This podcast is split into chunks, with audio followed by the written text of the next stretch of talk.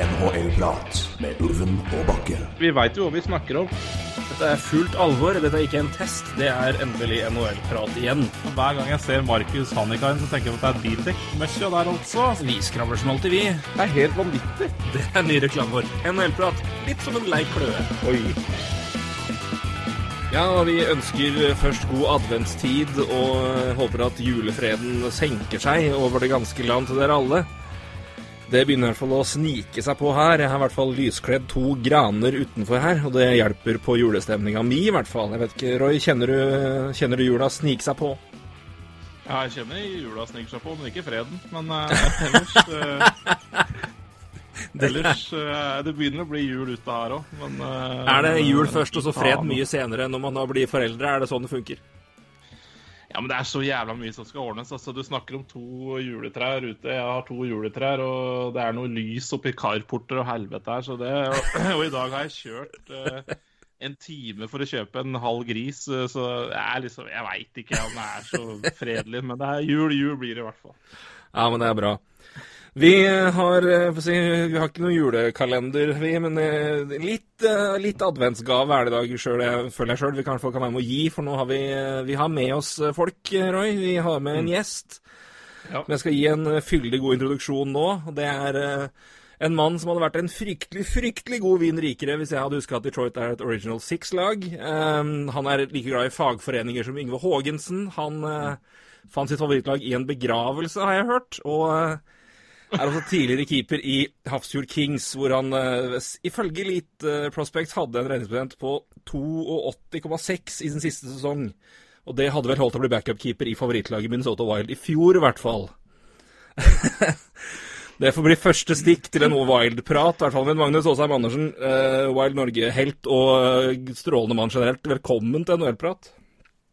Tusen, tusen hjertelig takk. Det var jo en introduksjon for historiebøkene, dette her. Ja da. Jeg er inspirert av Heia Fotball, og så måtte jeg sjekke litt. Og så har jeg jo sett Du har jo et nydelig dekkende navn som er distriktsleder på Twitter, så jeg måtte sjekke hva er Så da har jeg sett at det er jo da L- og IT-forbundet. Så da må jo være Da står jo Det er, det er Kolberg og Haagensens fagforening som står sterkt, altså. Det er, det er stort. Fagforeningspamp på heltid. det er nydelig. Og hockey, hockeypamp på deltid. Strålende. tror. Hockeypann på deltid, får vi si det da. Men uh, de jo, uh, det blir jo litt wild-snakk i dag, vi kan vel si såpass.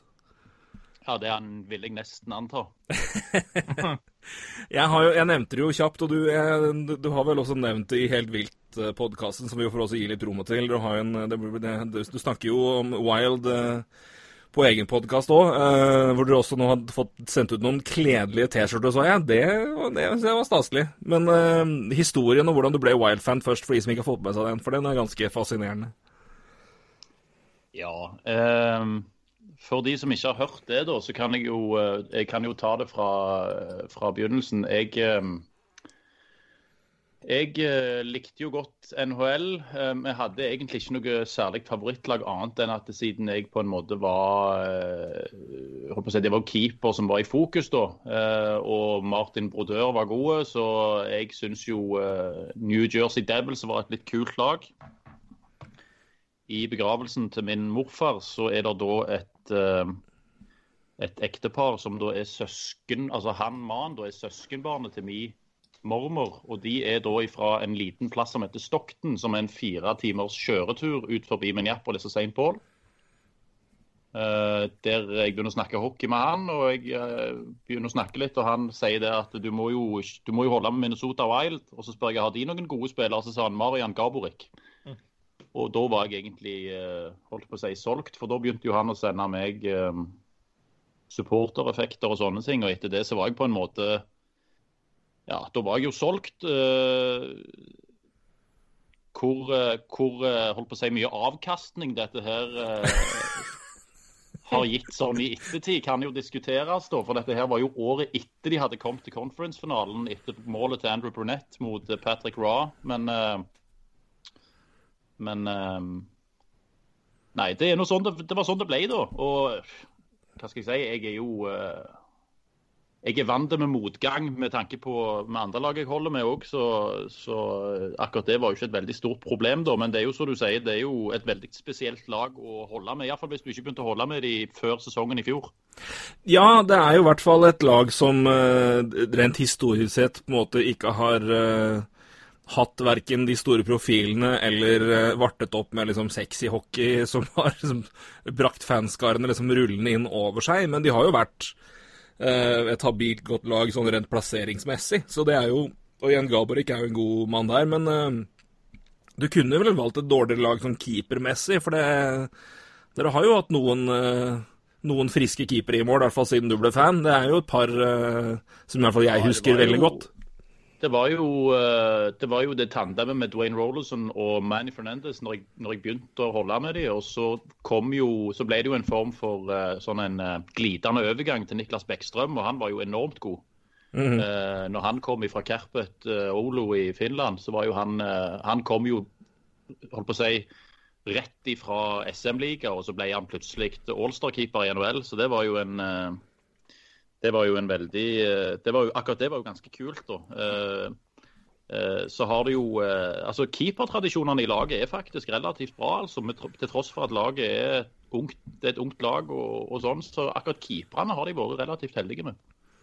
Ja, det har det. Jeg, har, jeg, kan ikke huske at jeg har hatt noe utover de, de senere årene hvor det har begynt å fuske litt for Devon Dubnik. Så har de liksom hatt solid keeperspill sånn generelt sett ganske lenge. Um, de hadde jo òg han Josh Harding, som var, på vei, som var jo et eget holdt på å si, produkt som var på vei til å bli virkelig god. For når han spilte, så hadde jo han oppi 5 og 96 redningsprosent. Men han fikk jo MS, så han kunne jo bare spille 10-15 kamper i året.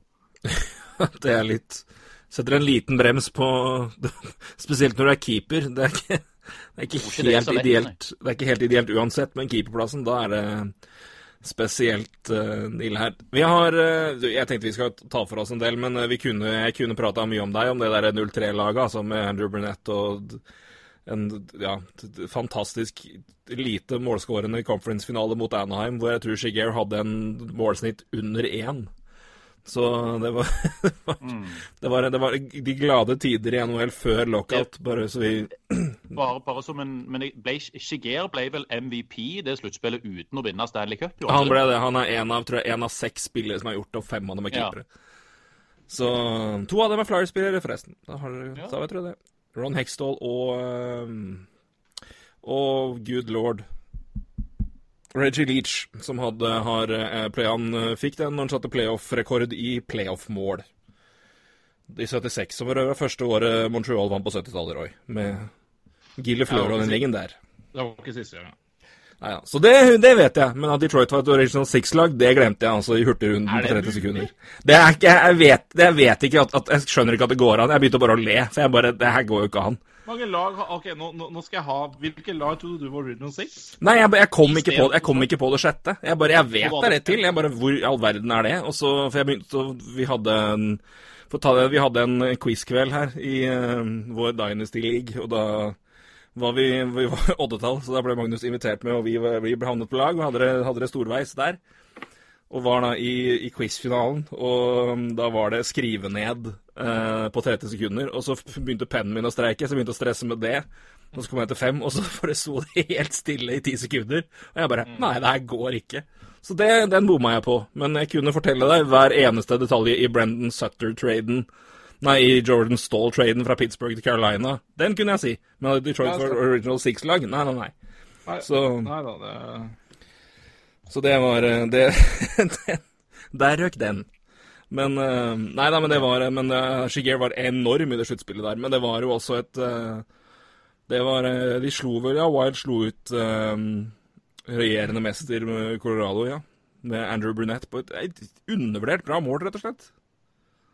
Er det ikke da han sliter seg forbi noe og lurer, back, lurer pucken bak? Er ikke, det er ikke... Jo, det er jo et, det er jo et skikkelig slitermål, det der.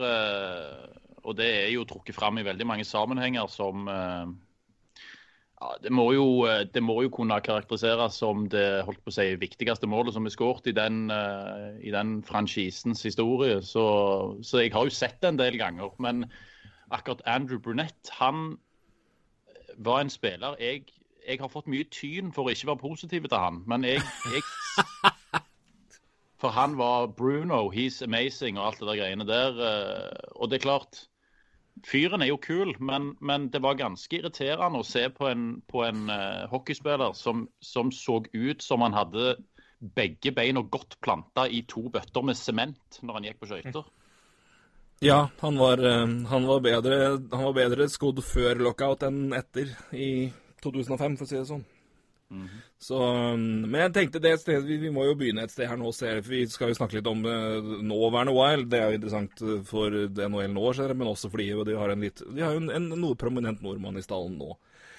Uh, jeg tenkte, uh, for å få litt din tanker om hva som har skjedd Vi har jo snakka mye om Wild, det har du vel kanskje hørt? Det har jeg hørt, ja. har, vi, ok, har vi irritert deg mye, eller har du Nei, jeg eh, holdt på å si sånn som jeg har sagt til Roy. Jeg syns, eh, dere, er, dere er jo generelt gode på, på det meste dere tar for dere. Og både bredden og kunnskapsnivået deres er jo aldeles enormt. Um, der, holdt på å si, det, det, det er jo der jeg holdt på å si, kommer til kort, for å si det på en sånn en måte. Jeg, jeg bryr meg jo og følger jo stort sett kun med på Minnesota Wild. Utenom sånne svære ting, selvfølgelig. Så får ikke jeg med meg og kan ikke sånne ting som dere kan.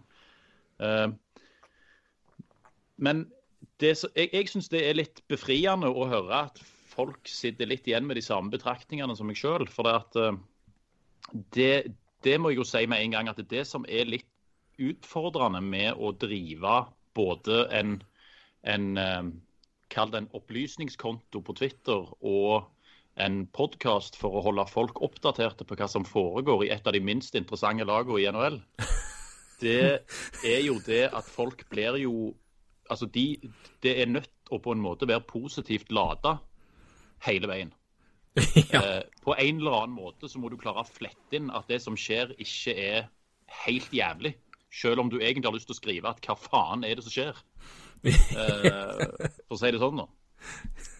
Um, så jeg, og jeg syns det er veldig greit å høre at det er andre som sitter med de samme oppfatningene som meg når det kommer til hva som ikke stemmer og hva som bør skje. Altså det var jo, Jeg husker bare tilbake på, på når det var snakk om hvilken ny general manager som skulle ansettes. Så hadde dere en gjennomgang, og så var det, så var det vel Roy som sa at uh, Hextall sa, eller var det du, Torgrim, som sa det at, uh, at Hextall sa at de måtte rive ned hele laget for å bygge, så bygge det opp igjen, og da fikk ikke han jobben. Men alle ser jo at det var det som måtte gjøres, og det så jo Bill Guerin òg, men han bare valgte å ikke si det fordi han var taktisk og tok en høyre-venstre der. Ja, det er det. Det er et av punktene jeg skal inn på. Men det, det er i hvert fall det Jeg, tror, jeg husker ikke hvem som sa det først av oss, men det, jeg har i hvert fall lest det oss fra jeg vil si kredible kilder at det var jo at, For Hextall var jo sent inne, men han, han sa klart at jeg kan gjøre mye med det laget, men jeg trenger tre år. Som jeg, sånn, han ville begynne sånn som han gjorde. Han så på det som en tilsvarende operasjon som han hadde i Philadelphia. hvor det, Hvis du ser på ser på når Hextall kommer til Philadelphia, så er det Det tar ganske mye år før det skjer noe mye, men det er, det det er småting for å løse opp og, og gjøre ting for å åpne opp caproom etter hvert, da, for det var ekstremt fastlåst. Det er sånn Det begynner med at han f.eks. tar og trader Scott Hartnell til Blue Jackets for RJ Umberger straight up, fordi RJ Umberger har ett år mindre igjen kontrakt. Og da er det ett år mindre å vente på at den capen åpner seg. Og Hartnell var jo betydelig mer produktiv enn Umberger på den tida der, men det var bare Nå er målet her å få frigjort capspace, og det var den jobben, og så var det å legge om draftinga. Så det var jo no, noe sånt, da. Men og det skulle til å sp- det står på lista over at det, Men det virker som Bill Guerin gjør akkurat det samme. Men han bare, han bare valgte å si noe annet i intervjuet, som jo er jo også en innafor taktikk. Ja, altså jeg, tenk, jeg, jeg tenker jo det at han, han så på dette her Altså jeg tipper jo da at han så på dette her som et, eh, et eh, potensielt lag der han kan faktisk klare å utrette noe. For det er et utgangspunktet og holdt på å si, det, det, det som eh, det som ligger til grunn, er det er mulig å gjøre noe med det. Men når du har lyst på den jobben, så må du på en måte spille kortet dine litt riktig. For jeg tror at i og med at han gikk i eller gikk, har gjort det han har gjort, så tror jeg nok ikke han hadde på en måte venta så veldig mye lenger for å få en annen, annen GM-jobb en annen plass, men jeg tror at han sjøl så at her var det rett og slett uh, muligheter, da, for å si det sånn. Og da tenkte han at da er det bedre at jeg tar en liten hvit løgn og, um, og sier at det, dette her laget her er godt nok til å vinne Stanley Cup, og så kan han heller bare vente et seks måneder og så rive han alt rett ned allikevel. Um, jeg, um, jeg tenker iallfall det at det og jeg er jo for så vidt glad for det. For det at uh, å få inn Ron Hextall etter å ha hatt dette her Paul Fenton-sirkuset, det, det, vet jeg ikke om hadde vært så heldig det heller, for å si det sånn. Nei da, det er godt mulig det ikke hadde vært noe god match heller, så det vet man jo aldri. Men, men tenker, før vi kommer dit, og før vi kommer dit vi er nå, så tenkte jeg skulle hoppe, i hvert fall begynne noen år tilbake, eller begynne ved Unnskyld. Så der han drikker øl. Ja, ja, kjør på. Hopp inn, hopp inn. Ja, fordi det, det er det Når vi snakker om uh, Magnus og Helt vilt og vi var i Norge og sånn uh, så, så, så, vil jeg egentlig bare Jeg hører på Helt vilt, for jeg, for jeg liker veldig godt å høre Altså, Magnus er jo oppriktig glad i, i Wild, men han, han ser det som en fan, og ikke som en Zuccarello-fan, eh, hvis, hvis, du skjønner hva jeg mener. Fordi, veldig godt. Mm. Ja, fordi, eh, fordi, og det, det syns jeg er så veldig befriende å høre. Fordi han er fan av laget, klubben, og at Zuccarello f.eks. gjør det dårlig til seks millioner, det, det, det, tar, det, kritiserer han. og det jeg syns det er veldig befriende å høre det, da. Selv om han sier at han er positiv og sånn på Twitter. Ja, det, det er godt mulig. Men, eh, men jeg, grunnen til at jeg liker veldig godt å høre på Wild, eller Helt vilt, er jo altså det er oppriktig en fan med gode, sterke meninger. Så, så det syns jeg også Jeg vil bare ta med det, fordi det er flere som bør høre på den podkasten. Ja, sleng den med. og det er uh, Fordelen med den er at det er mye kjappere over enn duellprat. For den, ja. det, du, du, du, er, du, er, litt mer effektiv på, enn oss på tid, Det må du ha. Det, ja, jeg, jeg, vi har uh, Etter jeg fikk med meg han sidekicken min, da, Ulrik Haukali, så har vi, så har vi vi fant tidlig ut at For det var faktisk, det var faktisk hans, uh, hans idé at, uh, at uh, podkaster må være så korte at folk ikke må høre de over flere omganger for å bli ferdig. Um, du, altså, hvis du tar bussen til jobb og den tar 25 minutter, så hvis du da har hørt hele episoden på vei til jobb, så er det bedre enn at du hører resten på vei hjem. For det kan det fort være du glemmer, så hører du ikke resten. Uten at det er til forkleinelse for dere, altså. For det, nei, nei, men det er, det er, en veldig forståelig og veldig vanlig, vanlig idé. Jeg lever bare etter en helt annen idé, som er at fordelen med podkaster er at du kan sette pause og sette på igjen etterpå. Det er ikke ja, ja, noe du må fullfølge helt på. Men det er, men det er bare to. Det er, det er, jo de to normale tankegangene, og den ene er jeg tror, jeg tror, ingen er mer riktig enn den andre. Det kommer bare an på hvilket format og hva du ønsker. Og jeg tror så lenge du på en måte har en idé rundt det og følger den, så blir det så bra det kan bli. Så, men uh, selvfølgelig, det er klart at det er, ikke, det er ikke alle vi har som er Det er vel noen podkaster vi har hatt som kunne vært litt kortere òg, men, uh, men nei da, men det er men jeg, jeg tror jeg, jeg, Begge deler funker veldig, veldig bra, syns jeg, i, men så, så, lenge man på en måte vet hva man skal gjøre. Altså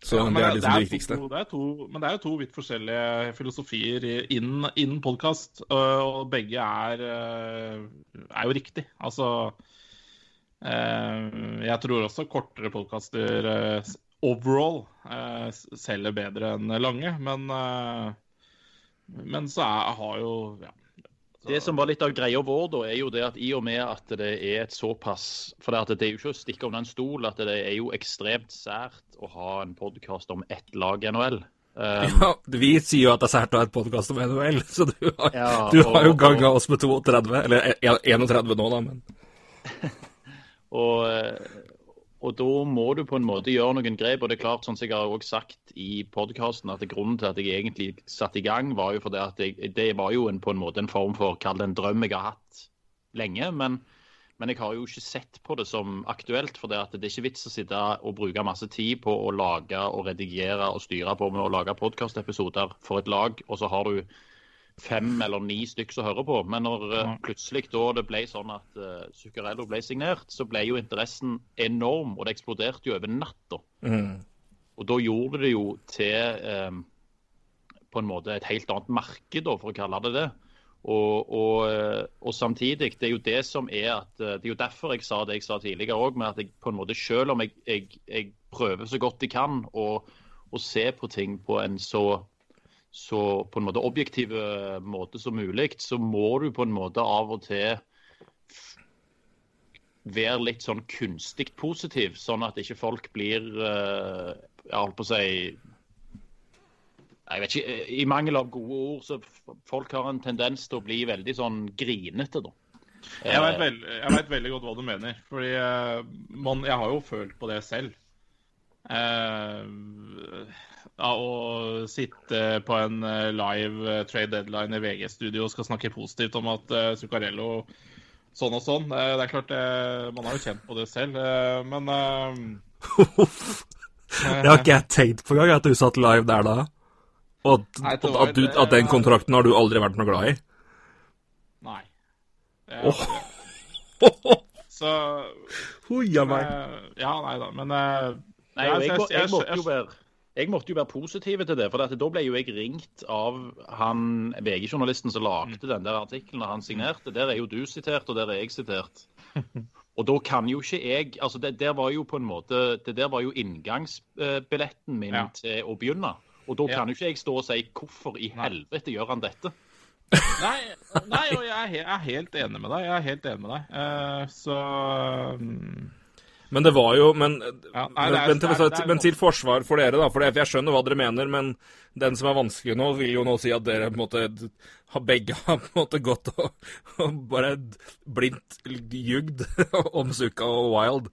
Men, det, men, problemet med det er jo at for, for, for å si sånn, jeg tenker at for oss som følger, eller for mange som følger ligaen tett, og som følger Suka tett, så er det et ganske sammensatt bilde av han til Wild i positivt negativt men det er vanskelig å forklare i en gut-reaksjon.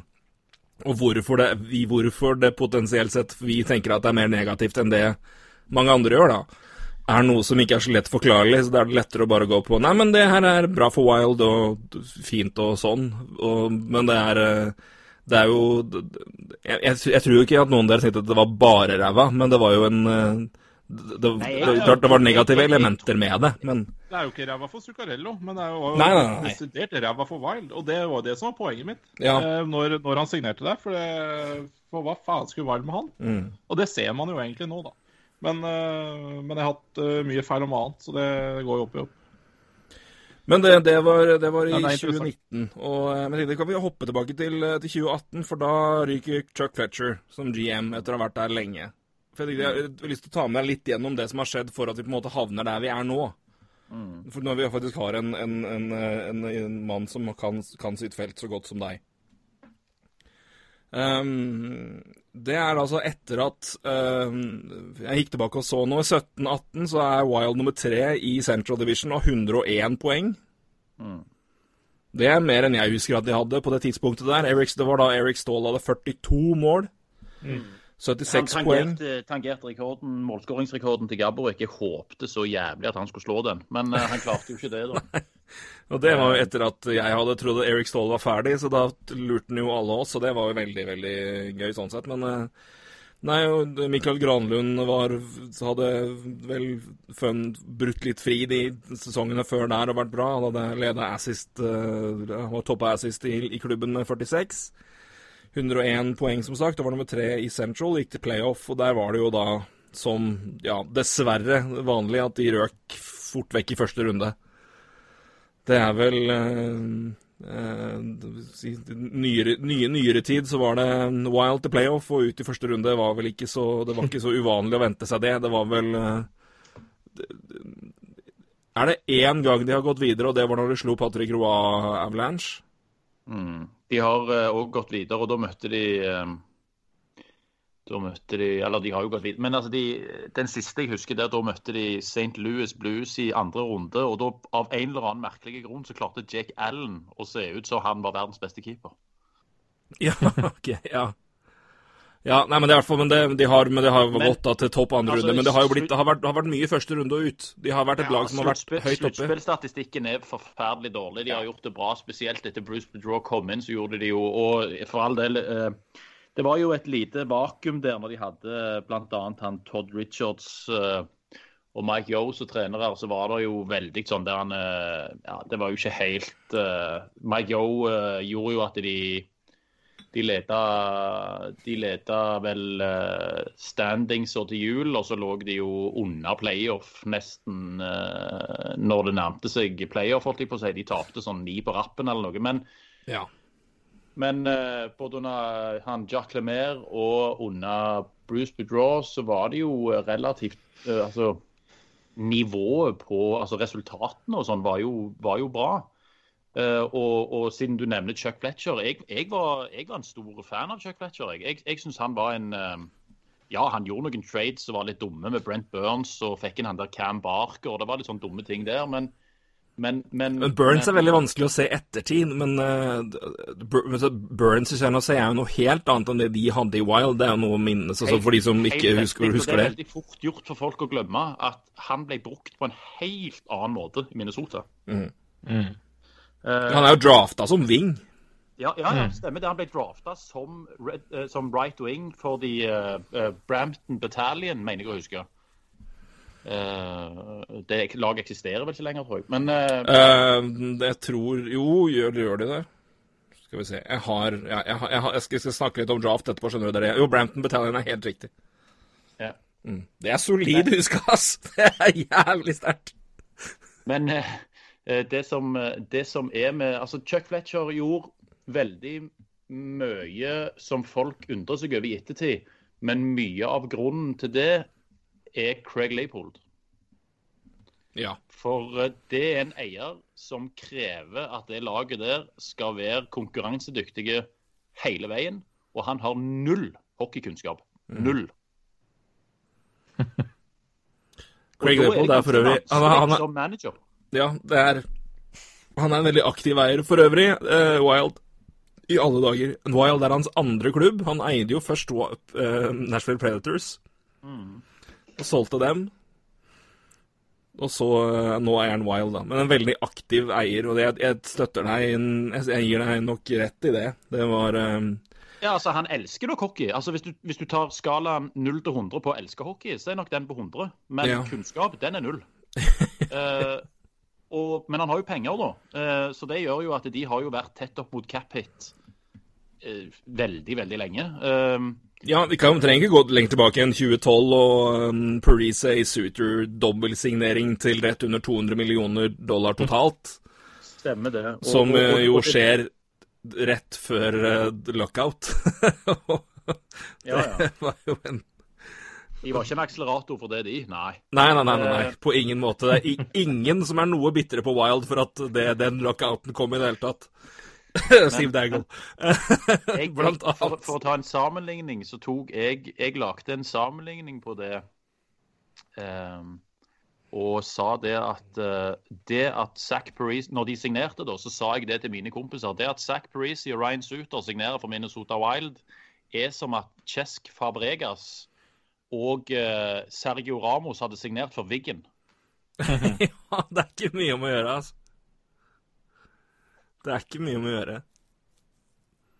Det er men, faktisk et ganske godt, men, men, godt bilde. Men altså, men altså Chuck, Chuck, Chuck, Fletcher i seg sjøl var egentlig en uh, Jeg syns han gjorde veldig mye fornuftig. Uh, ja, ikke noe vondt å utsette på Chuck Fletcher som Flyers-fan så langt, i hvert fall. Så det er tvert imot. Så støtter deg der. Prest, han ble prestet til å gjøre altså Blant annet når han trada til seg han Martin Hansal og greier fordi at de skulle prøve å gå på et cuprun som mm. gjorde at hele dynamikken ja. og hele alt gikk til helvete. Altså det der var eh, der, der, der, Den jeg, jeg, tror han Craig Leopold begynner å få forståelse for at det er ikke så enkelt som at du kan kjøpe deg til suksess. Nei, det er jo bare å gå og se på Toronto Maple Leafs, Philadelphia Flyers og New York Rangers fra midten av 90-tallet til lockout. Det er å se hvordan det har gått. Det er, du kjøper deg til playoff for kanskje en runde eller to, kanskje en finale, men det går jo ikke lenger enn det. Og um, Nei, og det er, det er, jo et problem, det. Vi snakker jo mye om det, men det, det, er ikke så prominent i hockey som det er i andre idretter. Men, det, men du lever jo i, et, en, en, verden her hvor du er eiere. De konkrete eiere. av et lag, uh, med, og hvor den personligheten er veldig sentral. Altså det er for de som Ja, det er mange som ikke bryr seg mye om NFL, men ser på Superbowl. Hvem er det som får trofé etter at NFL-sesongen er ferdig? Det er eieren som får det først. Ikke trener, ikke spiller. Det er eier som får det trofeet først fra kommisjonær. Mm. Det sier noe om eierposisjonen i amerikansk idrett og ja, USA i det hele tatt, hvis vi går på en lengre sosioøkonomisk vurdering der. Det kunne vi gjort, men det tar vi ikke nå. Men, er, men eierposisjonen er, ganske, er veldig, veldig spesiell. Men det er ikke noe vi ser så mye av i hockey fra dag til dag, da, til stor forskjell til NFL, som jeg føler veldig tett. Men det betyr jo ikke at det ikke er der. Og i, i, som du sier, i Minnesota har det vært veldig prominent. I Philadelphia var det kjempetydelig. Altså, det var jo et lag, de, de, de var jo et lag som var i sluttspill alltid, fordi det var Ed Snyder sin det ville han, og det, det var sånn det var. Men de ofra jo framtid så det ljoma hver gang. De, de skulle jo bare henta altså, Flyers hadde altså på et tidspunkt sånn fem år på rad hadde de verdens beste hockeylag for ti år siden. For det var bare veteraner som var to-tre år for gamle, fordi det var det de trada inn for å bli gode til playoff. Men de var jo drit, det var jo gode fortsatt, men over the hill. Men hadde de spilt sammen for 50 år siden, så hadde de jo vunnet ligaen hvert år. Men det var måten de gjorde det på, og det var det var eierbestemt, da, og det er jo tydeligvis mye av det samme i Minnesota, som har i hvert fall styrt skuta lenge. Og det er eh, ja, og det er jo som vi snakka på med, med, med, med Leopold, som bare han ville, han ville, vinne nå, og det var bestemmelsen på at hvem han ansatte som, ansatte som GM nå sist. Fordi vurderinga av lag og posisjon, det var ikke vesentlig. Han ville vinne nå. Hvem var det som kom og sa han kunne vinne med det laget her? Det er mm. Men det som du sier, det sier jo litt om hockeykunnskapen, sjøl om uh, interessen og passion er, vel så, er så stor som bare det. Men det klart, da, da, har du et hinder du må komme over på et helt annet nivå enn uh, Ja, det, Jeff Molson er vel på ingen måte et sånt hinder i Montreal, Roy. Jeg vil nesten si motsatt. Ja Ja, absolutt. Det er ikke noe Det er, det er et sterkt eierskap, men ikke når det gjelder sportslig. Nei, det, det er stor forskjell, altså veldig langt unna. Men de er uh, selvfølgelig veldig synlige i eierskap, men uh, langt, langt unna sportslig, heldigvis. Men hvis du ser på bare hva som Ikke at det har gått så jævlig bra heller, da. Men... Hmm? Ikke at det har gått så jævlig bra heller. Men, uh, Nei, men du kan, kan, på en måte ikke peke så mye på han og skylde på han for det, sånn sett, men Nei da, eierskapet Men det er klart, selvfølgelig, man man har jo kanskje sett, sett, sett ting som kanskje har skjedd via eierskapet der også. Vi har snakka om Piquet Suban. Eh, kontrakta som antageligvis også var litt pressa fram eierskap, eller eventuelt. Så, så, det er klart det, men, men, men det er jo ikke hva, Det er ikke kommet noe sikkert om det. Men, eh, men det, det, er liksom ikke det Det er ikke det er ikke det der evinnelige presset. da, Det ser man jo på Mark Bergevin, som sikkert burde vært sparka fem år av hvis man hadde fulgt media. Men uh, men uh, der har jo eierskapet ganske sterk tiltro til hva han gjør, da. Så, så kan man jo mene hva man vil om det, men uh, de ja, På lang sikt har det jo gått bra? Ja, jeg vil jo påstå det, kanskje. Men uh, det er klart I andre klubber så hadde nok GM ryket for lengst der. Men det, det, viser kanskje at ja, at det har vært eierskap som har tenkt litt langsiktig her, da. Så nei. Men det er, det er, vanskelig, det der. Men det er jo veldig interessant, fordi jeg tror jo når vi er inne på eierskapet i Wild, så Og når vi kommer tilbake til uh, Sukka-signeringa der, så det kommer vi sikkert tilbake til. Men det har sikkert hatt en del å si. Ja, jeg tror vi er ikke så langt unna nå, men uh, jeg tenkte vi skulle ta på oss. For da, da er jo Fletcher ferdig. De kommer fra igjen, nok en skuffende playoff-runde etter å ha vært ja, over 100 poeng i grunnserien og ja, stål 40 mål. Dette har vært en god sesong. Uh, hente Paul Fenton, som han har jo da Jeg vil tippe Leopold har kjennskap til, for han har, han har, jo vært i Han har jo vært i Predators lenge. Og det, har jo, det er jo lenge siden. Det, er, det vet jeg jo ikke, men det er mulig han har det. Men han har jo vært uh, høyre hånd da til eh, Å, uh, oh, herregud, nå står det stille. Uh, ja, vært assistent i Predators i lang tid, bak en av ligaens mest respekterte GMs. Roy, hjelp meg. GM i Nashville. David Poyle. David Poyle, Takk, takk Magnus. Poyle. Så da Men det kom jo inn der, og jeg var veldig positiv. Roy var veldig positiv, så vidt jeg kan huske. Spesielt på grunn av hans visst Altså hans i hvert fall uttalte øh, rolle ja. i Nashville og draft, da. Ja. Uh, hva tenkte du når de ansatte Fenton, Magnus? Tenkte jeg eh, at dette kan bli spennende. Nå går vi en eh, ny vei. Eh, Chuck Fletcher var eh, litt u... altså litt uh, ufrivillig blitt en GM i Wild som ble stempla som en fyr som som ikke fokuserte på drafting fordi at han bytta vekk alle draftvalgene sine. Um, noe jeg, som jeg har nevnt tidligere, ikke tror var fordi han hadde veldig lyst til det, men fordi han hadde en eier som presset han til det. De har jo også Eh, veldig mye annet samme, det, Jeg skal ta et draft etterpå, jeg kommer tilbake til det da, men de har jo ikke drafta vekk så mye førstevalg i det hele tatt eh, under hans tid, så det er jo egentlig litt rart, men, men Nei, ja. det var, men det var, han fikk et rykte på seg for Ja. å bytte vekk en del draftvalg, da, og det, det er jo noe som Iallfall Nå skal ikke jeg på, påstå at jeg, jeg sier at alle syns det er negativt, men jeg syns iallfall det er en, en Det er en Hvis du gjør det over lengre tid, at du driver og bytter vekk draftvalg, altså to-tre draftvalg hvert år, så er det en relativt skummel trend. Um, ikke fordi at du nødvendigvis får så vanvittig gode spillere i fjerde og tredje runde, eller hva det skulle være, men sjansen for at du da får en eh, spiller som viser seg å være gull, blir jo Altså, prosentsjansen går jo ned med antall valg, det er jo relativt enkel matte. Men, eh, men Ja. eh, når, når, Fenton da ble, ble ansatt da, for å ta det, så, så syns jeg det var spennende. For at jeg kjente jo ikke til han annet enn at alle sa at det var han som var eh, hjernen bak eh, alle de si, alle de gode spillerne som Nashville hadde, hadde henta, eller plukket i draften. Um, eh, så det, det var jo ei veldig spennende tid. Um, begynte jo Husk, unnskyld, husker du hva det var snakk om at hva, hva var liksom hva var profilen til laget, hva var mentaliteten, og hva var målet nå? Skulle det hentes, styrkes mer inn? Skulle man tenke ungt? Skulle det, skulle det bygges på, forsterkes lag for å vinne nå? Det, Leopold vil jo alltid det, så det ligger jo litt i grunn. Men husker du noe måte om hva som ble sagt utover at den mannen her kommer til å drafte bra? Var det noen forventninger om at nå skal vi gå etter sånne, sånne spillere? Nå skal vi, altså Husker du noe av det? Eh, Det som var utad, var jo det at laget var jo godt nok til å konkurrere i utgangspunktet. Og nå skulle han bare bygge opp under, sånn at det aldri ble tomt. Ja, ikke sant? Det var jo det som var tanken. Um, og, og, og det som på en måte Det er jo, det er jo litt synd for han, for det at eh, det, det som er um, første draften, da, eller den første uka han hadde på jobb, så velger de jo da han der Philip Johansson um, som, som Det er jo hans første draftvalg som Minnesota-GM.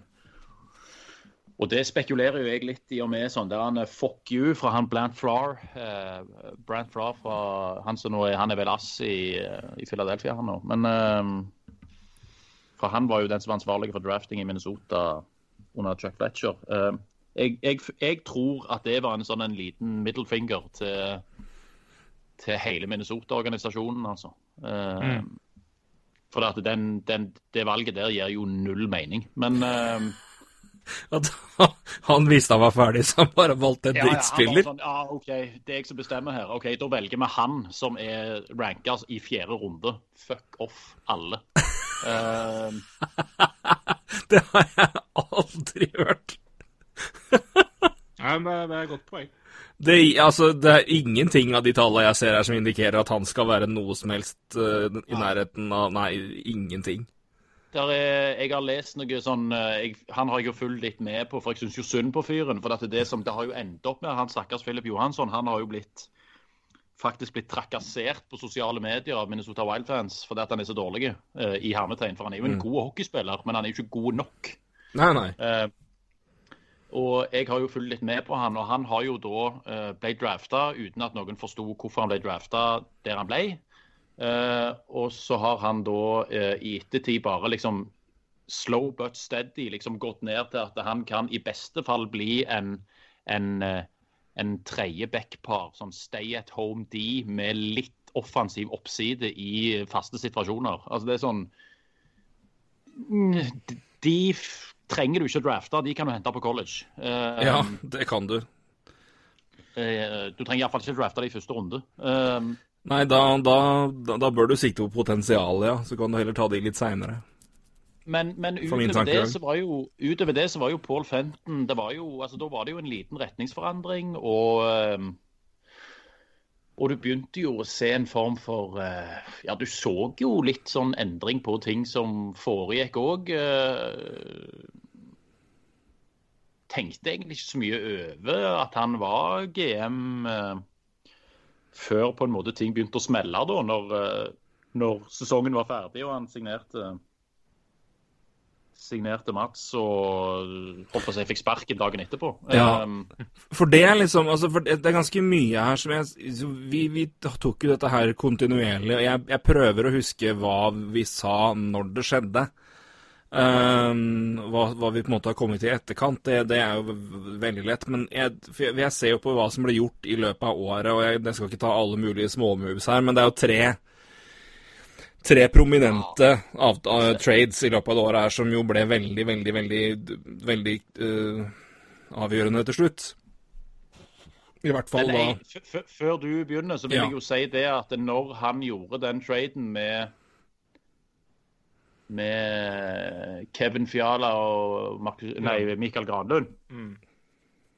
så var jo jeg eh, Så forsto jeg jo ingenting. For på det tidspunktet der så var jo Granlund Han var jo stjerna på Minnesota. Ja. Uh, og det er jo igjen det, det Misforstå meg riktig, jeg er glad fyren er vekke, men det er tveegga sverd her. For at Kevin Fiala, etter han kom til Minnesota, har jo vist seg å være Altså Når han er på, da Det er hockey. Ja, og det, og det, var jo det vi så av Fiala i Jeg syns jo at Fiala på det beste som jeg så han i Nashville, var jo når de var på playoff-run og kom til finalen. Før han ble skada. Det var jo hans store gjennombrudd. Uh, og så ble han skada, jeg tror det var i andre runde, og så var han jo ålreit, men det var jo det, det, var liksom Kommer du på en måte Skal du komme tilbake? Og så gjorde han jo det til slutt i Wild, da, men det var jo etter Godt etter at Fenton var ferdig. Men jeg tror vel det vi sa, var jo altså, Han kjenner jo Fiala bedre enn noen. Han vet hva som bor inn, så sånn sett så er, jo, er det én person du på en måte bestoler på, vet hva Fiala er god for og vet verdien hans, så er det jo han. Samtidig kan du også bruke det samme argumentet for at er det noen som kommer til å overvurdere Fiala, så er det jo mannen som drafta han.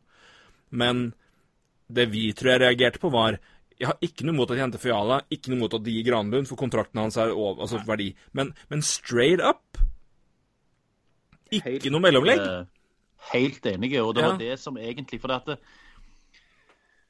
jeg er helt for at når du er et lag som ikke er i et win now-modus, selv om eh, eier og andre mener at eh, de bør være det, så ser jo alle at det er de ikke. og Da tenker jeg at da må du på en måte se en form for kost-nytteverdi, og hva kan du da få ut av å kvitte deg med den beste spilleren du har. Ja, og Nashville, da, som altså, i da 2019 kjempa, skulle kjempe om eh, mesterskap. Ja, så du, mm, kunne jo tynt, du kunne jo tynt ganske mye mer ut av den traden der. Men, men uh, og, og, og, det var jo en ting som irriterte meg. For at jeg tenkte at uh, om så var, så, så legg nå iallfall til et andre- eller tredjerundevalg, da, for å liksom sweeten the deal. Altså, for ja. det der straight up-greiene på det tidspunktet der, det var, det var dårlig altså det, det, det, var ikke value for money. Men, men det, er klart, i ettertid så kan du jo på en måte genierklære Fenton. For det at uh, Fiala nærmer seg jo et toppnivå som minner om en uh, viss slovak som spilte der tidligere. Helt, helt enig. helt mm. enig. Men, det, men, det, men, samtidig, du må jo huske Men det er det som er problemet Unnskyld, jeg skal gi deg forord om to sekunder. Men ja. det som er problemet med ofte med trains, er at vi er for dårlige til å huske hva var reelle situasjonen da, når det skjedde, og verdien der, kontra hva har vi på en måte sett i etterkant. Begge deler er relevant, men absolutt er jo situasjonen og verdien og hva status var rundt spillerne når det skjedde, relevant med tanke på hva som skjedde der. Og det er klart at Uansett hvor god Fiala er, når det skjedde Selvfølgelig skulle Wild hatt mer enn bare, enn bare Fiala for Granlund. Det var det. Men Røy, vær så god. Ja, og dette har jeg jo øh, dette har jeg kommentert i VG-artiklet, det som er. For det, det, er jo den perioden her jeg ikke forstår Wild. Det er her jeg ikke forstår Wild. Fordi eh, En måned tidligere så har vi Needrighter mot Rask-traden også straight up, som er, det er på en måte ikke noe vits å snakke om. Det er så ræva. Det er så ræva for, for Wiles en del at Men det spiller ikke noen rolle, det har ikke så mye å si. Men altså fem dager før Fiala-traden så er det Charlie Coyle til Boston Bruins for Ryan Donato tilbake. Og det, det, sier jo litt, da, at du henter uh, Altså, her, her, snakker vi Wild som tenker at Kevin Fiala og Ryan Donato, det er framtida vår. Her skal vi begynne å bygge på nytt. Ut med Granlund, ut med Charlie Coyle. Det er det som er litt viktig er å få med seg nå, når vi skal begynne å snakke om eh, Snart skal, så kommer Zuccarello inn i bilden her. For her, her skjønner jeg ingenting. Mm. Her skjønner jeg ingenting av hva Wild holder på med. Eh, fordi her er det helt tydelig at her går Fenton i eh, ja, i en slags rebuild. Fordi eh, man, man, kvitter seg ikke med Charlie Coyle og Michael Granlund og henter to unggutter hvis man ikke skal i en slags liten rebuild. Jeg vil bare nei, si det før vi kommer til Ja, ja, nei, men, og det har jo vært kjernen av det vi har Det er jo det vi har gjentatt gang på gang på gang. og Jeg, det, jeg tror vel også vi prata og Derfor jeg sier at For det prøve å huske hva var det vi sa når det, når det her skjedde. For Charlie Coyle har jeg jo Han har du hatt på fantasy-laget, så han har, vi, han har, vi, fulgt med begge to. Så han ja, vet jeg at vi har snakka om når den traden kom. Ryan Donato var jo en høyt ansett uh, et høyt ansett prospect i Boston på den tida der, når de hadde ganske mye unge, spennende folk. Donato var jo nesten den som sto nest, nestemann i rekka liksom på vei inn i, i, i, i, Boston på den tida der, så det var jo han altså, altså Statusen hans var, Han var jo da ja, topp end der å ta i, men at han var et high end prospect med høy verdi på den tida der, det er jo jeg syns det er jeg, jeg, jeg, husker ikke feil da, Roy. Det... Nei, du husker så riktig. Jeg bare bare si 2017-18-sesongen eh, til Ryan Donato. Så, for han kom jo inn på tampen av den sesongen. Mm. Men uh, uansett, på Harvard så hadde han 26 mål på 29 kamper. Han spilte OL for USA, fem mål på fem kamper. Kom inn på NHL i slutten av sesongen til Boston og hadde ni poeng på tolv kamper. Så det er klart eh, en hypa spiller når han kom til Boston, helt klart. Og så begynte en ny sesong. og så gjorde han det for så vidt greit, og så tradet han til Wild, og i Wild gjorde han jo for så vidt veldig bra. det var veldig bra når han kom dit. Fiala var jo helt død, og så snudde det på en femøring. Og nå, Donato, og nå, er Donato, i Sharks. Så, men det er bare å huske liksom hva, hva var han når han kom dit. og Det var, så det, det, var jo et, det er jo to spillere som Ja, det er unge spillere, men det er unge spillere som også kan prestere nå, men forhåpentligvis skal bli bedre. Så det er jo ikke fullstendig tank, men det er, det er en rebuild, retool. Men det, men det er i hvert fall uten tvil at grunnlaget her er jo for unge, for friske, fornye stallen. Ja. Det er, men det er bare noe med å ta, liksom, for Vi har jo snakka mye om Fenton og hva faen er det du driver med. Men det er bare den enkeltmessig så er de dealene altså de er forståelige. Fiala og Granlund skulle bare hatt mer, ja. Men, det, men det, vi, skjønner, vi, skjønner, det som hensikten. Men så kommer Suka, da. Uh, og det er jo Vi har snakka mye om det. Du nevnte det så vidt, men eh, når den Var det i det hele tatt noe snakk? Du følger jo mer blogger og, og, og folk som skriver Wild og melder Wild enn det vi gjør. Var det noen ting om Sukka før 1. juli? Uh, det som vel uh, Det eneste jeg egentlig så, var vel det at uh, vår alles Sorry, nå driver jeg og småraper på hjemmelagte sider her, men uh, Jeg sitter og, halv, jeg sitter og halvburper på øl hver eneste podkast. Det, det, det, går fint. Det er ikke, verre enn meg uansett, så det går bra. uh, altså det, det, Hvis jeg skal tenke tilbake, så det som jeg husker at foregikk da, var det at uh, jeg leste vel um, et rykte uh, et par dager før uh, overgangsvinduet ble åpent, for å si det på den måten. Uh, der jeg leste et rykte om at det var to lag som var frontrunners, og det var Florida og Minnesota Wild. Og det var da jeg bestemte meg for å åpne den Twitter-kontoen. Mm. Du er en luring, altså. Skal du faen meg ha. ja, da tenkte jeg nå må jeg være frampå. Uh, det er viktig, det. Det er viktig. Det er viktig, rett og slett. Og, og, og, og, bare for å forklare litt om hvordan dette her eksploderte, da, så, så oppretter jeg den kontoen. Uh, og skriver og deler disse her ryktene som kommer fra Det var vel to det var vel Rusa var vel én av de, eh, og så var det en annen Jeg husker ikke helt, men jeg lurer på om det var en eh, ja, Nok om det. Det, det, det blir bare å sitte her og bruke tid på å tenke ut et navn som jeg ikke husker. Men uh, Det er sånn vi pleier å bruke halve podkastet på, så det er bare å fortsette. Det blir NHL-prat bare med litt mer eh, vestlandsaksent, eller vestlandsdialekt, så det går helt fint. Men, men, men det som da Det som da eh, Det som da ehm, Det som da skjer, er det at det, det kommer jo Du er jo live, Roy, når han signerer. Både du og holdt på å si Roy 2 sitter jo der som noen store spørsmålstegn. Og jeg husker jeg satt og lo.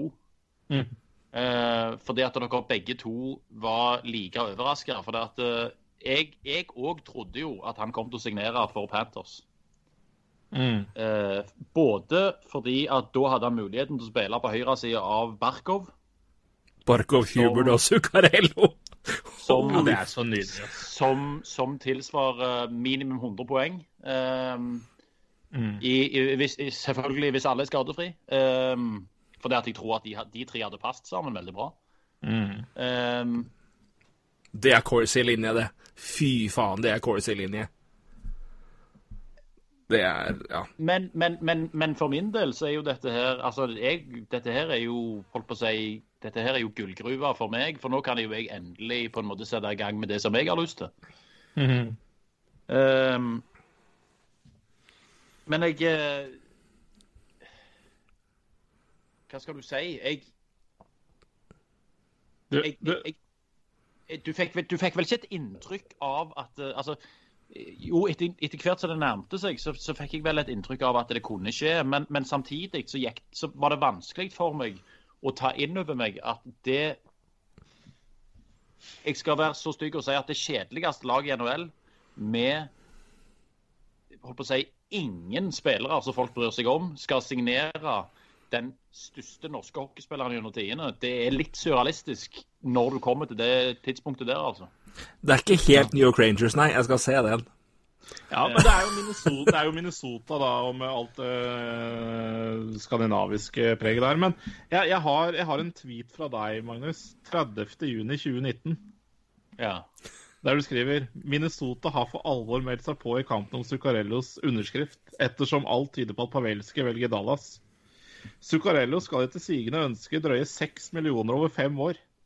Noe eh, Paul Fenton skal være villig til å tilby. Du traff der. Eller det er det var Ok, av Michael Russo, da.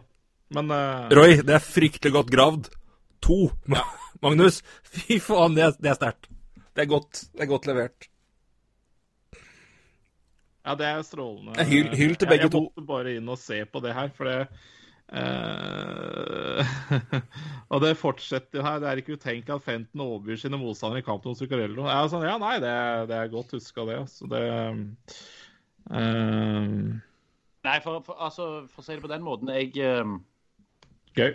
jeg, jeg, jeg tipper jeg var den første i Norge som, sikkert utenom de som står uh, Mats nær, da, som fikk en Minnesota-drakt med Zucker bakpå. Mm. Um, av den enkle grunn at uh, på det tidspunktet der, og, og, og, det, og, med fare for å framstå som en fyr som som, uh, som uh, holdt på å si holdt på å si jeg, jeg vet ikke om jeg skal Men Jo da. ja, men kom igjen! Det er bare å snakke. jeg syns jo mye av dette her med at folk skriver eller påstår at de er Die Hard Rangers-fans. Ja. Det syns jeg er. Eh, Det er ikke Det er ikke helt uh, Holdt på å si Iallfall ikke når de bytter lag ut ifra hvor han spiller. Altså Når du har tre favorittlag i løpet av én sesong, så du må på en måte, Da må du heller si at du er Zucker-fan, for det, er- da, er det, da er det helt legit, liksom. Ja. Jeg, og jeg er helt enig. Jeg er Helt helt, enig. enig med deg, Magnus. Og Det er derfor jeg er veldig glad i å høre på deg prate om Wild eh, i din egen podkast. Og du er oppriktig for hva Zuccarello presterer, eller eventuelt ikke presterer. Så og det, det er det jeg liker. Så fortsett med det. Eh, at du har fått en Zucca-drakt, eh, det er bra. Jeg kommer ikke til å få en. Nei, det, det, hadde trodd, det hadde jeg ikke trodd heller. Men for meg så var det jo på en måte Du, du sitter jo med en sånn en Hva er det egentlig som skjer nå? Nå er på en måte eh, den største norske hockeyspilleren gjennom tidene har signert for mitt favorittlag. Altså, hva, hva, hva, skjer nå? Jeg måtte på en måte, jeg måtte bare blåse 3000 på en drakt med en gang. Det var liksom sånn Jeg kunne ikke la være. Jeg bare satt og på en måte rista og bare Hva Ja, men selvfølgelig. Selvfølgelig. Uh, ja. Men det er jo fascinerende da, samtidig som vi på en måte prater om i stad, at, at Droy sitter i VG-studio og tenker liksom Hva er det Wild driver med her, liksom? Hva er planen? Og du tenker det samme, men samtidig sitter du der som en femåring på julaften og bare Sukka! Ja, det er liksom parallellen, på en måte. Left brain, right brain. Det er jo det som er så sprøtt. For ja, ja. jeg prøver jo i alle sammenhenger å være så objektiv som mulig. Mm. Men i det lille øyeblikket der, så var jeg sånn der Jesus Christ, hva er det som skjer? Her må jeg Altså, jeg, jeg, jeg, jeg må bare ha den drakten der. Jeg må. Ja, selvfølgelig altså, må du det. Og jeg, jeg, jeg, jeg syns jo det her er helt jævlig, for, for, fordi at um, for, altså, jeg, tenker jo jeg tenker på Wild, ikke sant. Når, når, når uh, Wild signerer Zuccarello, så tenker jeg ikke på Zuccarello, faktisk. Jeg tenker på Wild. Hva i helvete? Eh, og det er vanskelig, altså. Fordi eh, man vil jo gjerne prate noe pent om den eh, eneste nordmannen som er over der. og fordi Poenget mitt handler jo ikke om Zuccarello. Jeg er ikke negativ til Zuccarello. Jeg er bare negativ til hvordan Wild Hvordan har endt opp i Wild, da. Mm. Og det er litt sånn vanskelig, fordi jeg får det, det, ja, det er et par DMs jeg mottar når jeg er negativ til Zuccarello. Og det er kanskje litt for mye, men fra folk som står han litt nær også. Så, men det er ikke, jeg er ikke så fryktelig negativ til han. Jeg er bare veldig negativ til hvordan Wild Nei, nå, nå, er jeg, og, nå, nå, er jeg nær deg, Roy, så jeg skal ta på meg subjektivkort her òg. Men jeg, like, jeg, prøver å være så objektiv som mulig, i hvert fall med tanke på hva vi, hva vi prater om, og litt, prøver å ha litt stå litt på, på, Prøve å se litt fra utsida hva, hva er det egentlig vi når, vi når, vi går gjennom og snakker spesielt om Wild, da, jeg litt på noen før denne episoden her, hva er det egentlig vi har sagt, og hvor, hvor på en måte Når sa vi hva, og når har vi forandra mening, og hvorfor har vi gjort det? For å ha det litt på det tørre, og for oss å ta Det er lov å på en måte se tilbake og si her var vi litt for skarpe, eller her var vi litt for og ta sjølkritikk ja. på det. Men jeg kan aldri huske at verken du eller jeg har sagt noe negativt om Mats Zuccarello per definisjon som en spiller i Wild, ut ifra at han har hatt en svak sesong i fjor, og det, grunnen til det er kan være A, B, C, D. Men vi har jo aldri snakka om den signeringa der som en dårlig signering pga. Zuccarello, Mats Zuccarello, spilleren. Det har jo vært Minnesota Wild, situasjonen og planen. Altså, du har, som du sier, du har akkurat trada vekk Charlie Coyle og Michael Granlund for to unge spillere med masse upside. Det er tydeligvis planen din. Så henter du inn en wing som er, og låser han i fem år på seks millioner, og han er nå Hva var han når han signerte? 2,31? Mm. Hva er planen, liksom? Og, der, og, der, og det, er, det, er, fullstendig uavhengig av hvor god Mats Zuccarello er som hockeyspiller, og hans posisjon og hva han har levert. Vi satt jo beinhyllene i Dallas. Det han leverte i Dallas ja. da han kom dit, var dritsterkt, for da var det det var jo hele biten med hvordan klarer han seg utenfor New York, kjemien og folk han har spilt med der, hvordan går det? Så så kommer han inn, og nå får han endelig, kanskje endelig spille liksom med ordentlig topp seks-nivå-spillere, i hvert fall jevnlig, da. Så kommer han til Dallas og, bare, og har jo den, de to periodene han hadde i den kampen før han ble håndleddskada, er det beste jeg har sett han har spilt noensinne. Vi skamroser jo for det. Så men, eh, ja, men jeg, jeg, altså folk får jo høre, hører jo, hører jo hva, de, hva, de, gjør, men jeg syns ikke vi har Altså, der har du vært ganske balansert og god, syns jeg i hvert fall. Bare for å si det. ja. Uten å måtte for, forsvare jo... min egen mann her, men, men det mener jeg legitimt at vi har gjort. Nei, men det trenger du på en måte heller ikke gjøre. Altså, men uh, ja, det hadde du heller ikke gjort hvis du ikke hadde ja. Nei, nei, jeg hadde ikke sagt det hvis ikke jeg hadde, ikke hadde ment det. Ja.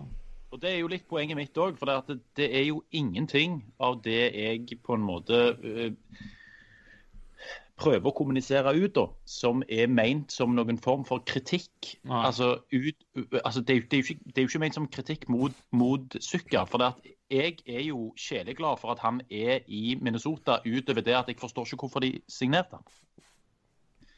Nei, og altså, det er altså- det som er så bra, fordi at du prater som en fan av laget, ikke som en fan av at en spiller har kommet inn som ikke passer inn. Altså, Hvis du skjønner hva jeg mener, da. Og det, det Ja, nei Og, eh, og, og, jeg kan forstå at han sleit pga. skader og alle disse tingene her, og det kan være mange grunner. Men tilbake til det dere sier òg.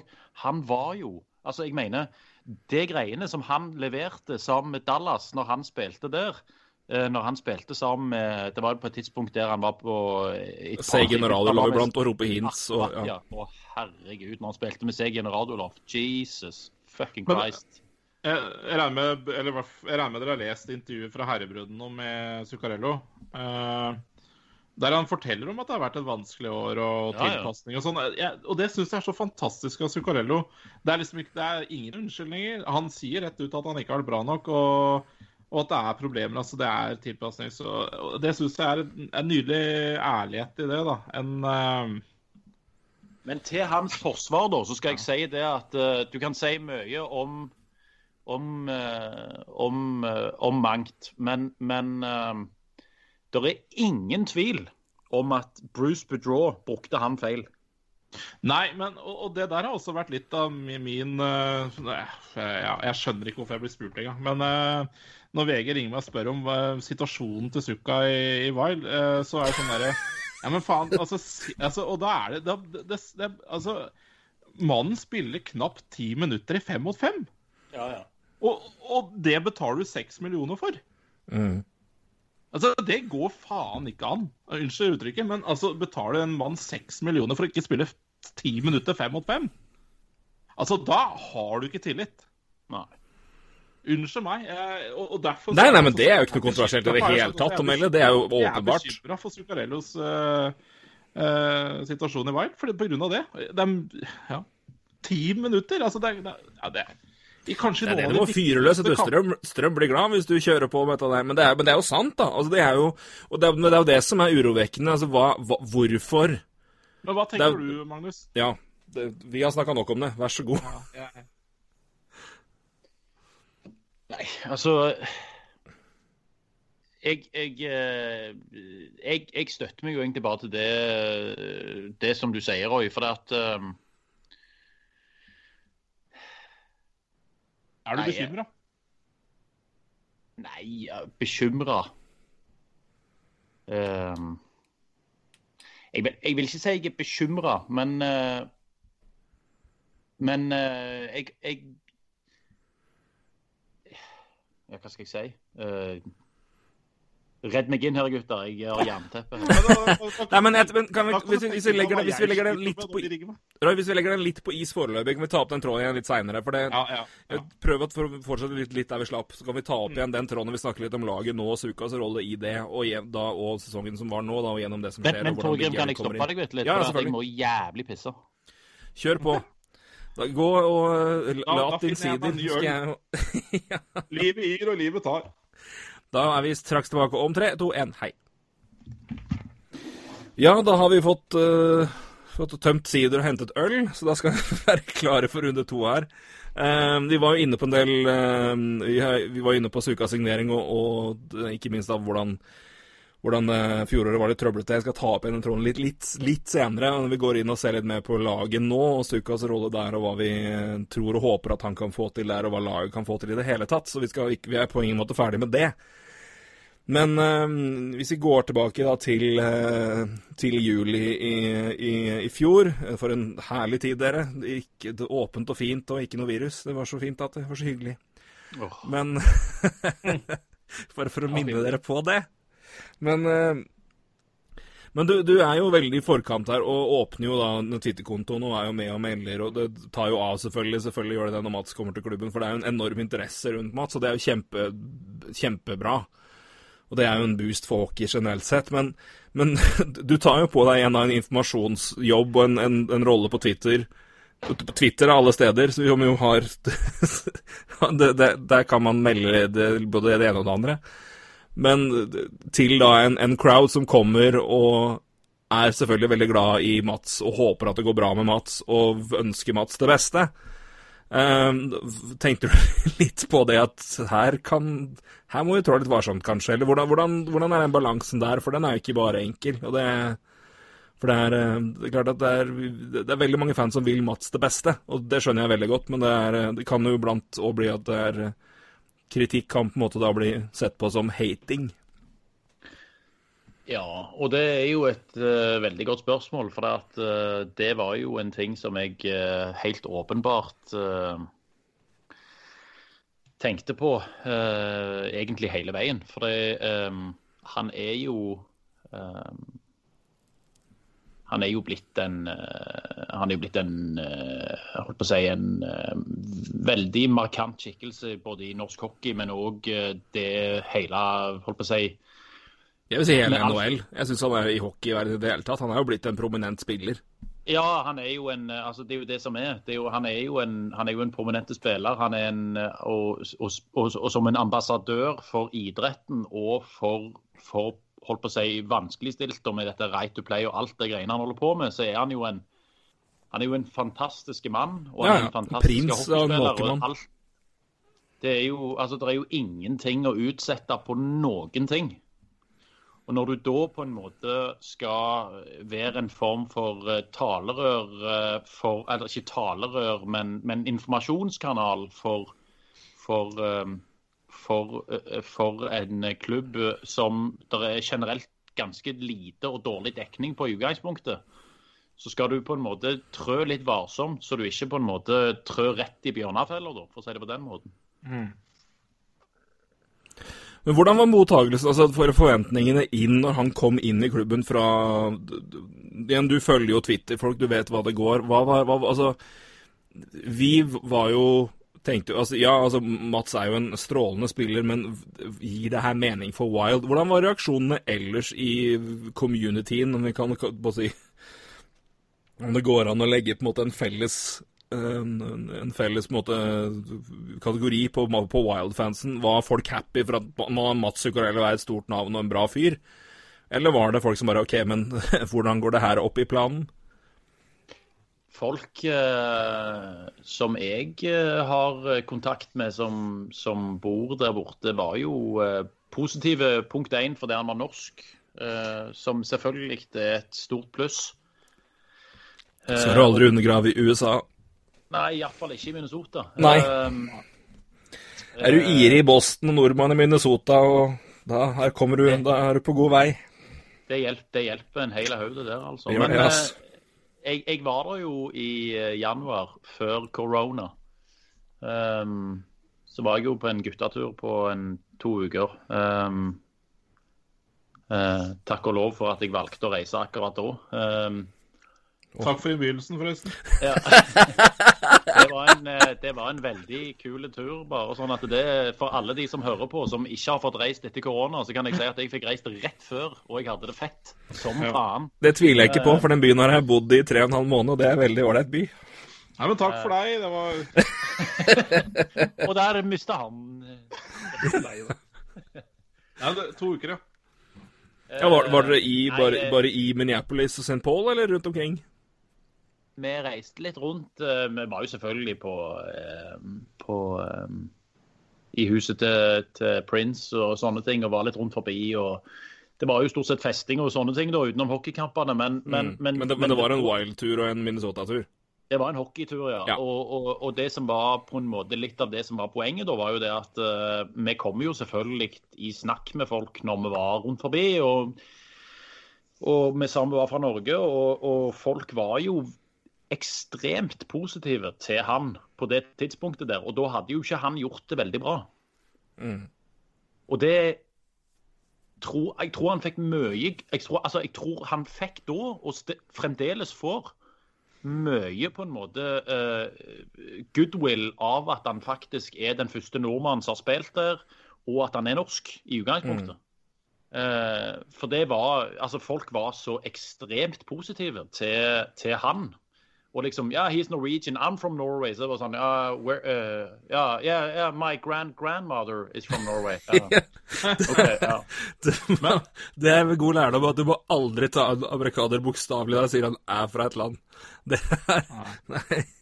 Det, du har, ja, du, okay, du har ja, OK, du er tredjegenerasjons Ja, OK, skjønner. Men ja, men det, det tviler jeg ikke et sekund på. Men det, er, men det er jo bra sånn sett. Men men eh, det har jo ikke bare vært lett for Mats Heller gjennom den, den sesongen som var. og Det, er, det er jo, har jo han som, som, som, Roy sa, han har jo sagt det i et intervju, og det er jo det er, skal jeg også bare ja, Ikke at vi må si det fordi vi føler at vi tråkker på noe her, men, bare, men, har, men av isen så har han alltid imponert meg med at han er ganske Han er sjeldent ærlig, syns jeg. Til, I hvert fall i Norge. Til, hockey, altså blant hockeyfolk i, i NHL, men uh, mulig han skiller seg litt, der. Eller det gjør han absolutt. Men i, i Norge syns jeg han er god til, hvert fall hvis det, hvis det er noe, så sier han ifra. Han han var jo veldig Ja, han uh, sa jo tydelig fra at det var veldig, veldig vanskelig for ham å bli trada fra Rangers, uansett hvor bra han var i Dallas. Men, og det at han også var liksom ærlig på hvordan ting var i Wild, at det ikke helt funka fra starten, og det gikk inn på han, det er jo Men det gir jo forståelse, men det er også det er, det er sterkt å melde det, altså. For det er uh, det, klart, Han kom jo inn der med forventning og press på seg. Altså, han får jo en rolle i laget der som er Og han hadde prominent rolle i Rangers òg, for all del, men uh, her, her, skulle han på en måte komme inn og være den som på en måte var, var primus byggestein for neste steg videre for Wild. Det kan det ikke være så mye tvil om. Og det har jo dessverre ikke funka så langt, i hvert fall. Og det er jo flere grunner til det. Boudreau var vi inne på, bruk der og Ja, men, men kan jeg eh, komme med en ting der? Kjør på. Fordi det kommenterer han også i det nydelige intervjuet med Herrebrødrene, at han kommer inn i et lag der det er allerede sterke personligheter. Altså, ja. Det er jo ikke noe tvil om. Stål, uh, Zack Parisi, uh, Rice Hooter altså, Nå er jo de der fortsatt, uh, men uh, så, så det var visstnok ikke verdens beste garderobe heller. Jeg vet ikke om jeg kjøper den der om at han kommer inn i et lag skal, skal løfte det. fordi det, de har jo allerede spillere som skal være på samme nivå som Zuccarello eller, eller, eller tilsvarende, eller bedre òg. Men ja, jeg, det er derfor jeg blir så det, det, jeg, jeg blir ikke klok eh, på hva som skjedde 1.7 i Minnesota. Nei, nei, men, men, altså, men, isolert sett, altså enhver klubb skal bli bedre ved at Mats Zuccarello kommer inn i den klubben. Det, er, spillemessig sett kan vi vel enes om det, kan vi ikke det? Altså, de, de, de skal jeg, jo bli jeg, jeg, er jo kritisk igjen, da, fordi han ble jo signert som 31-åring. Eh, så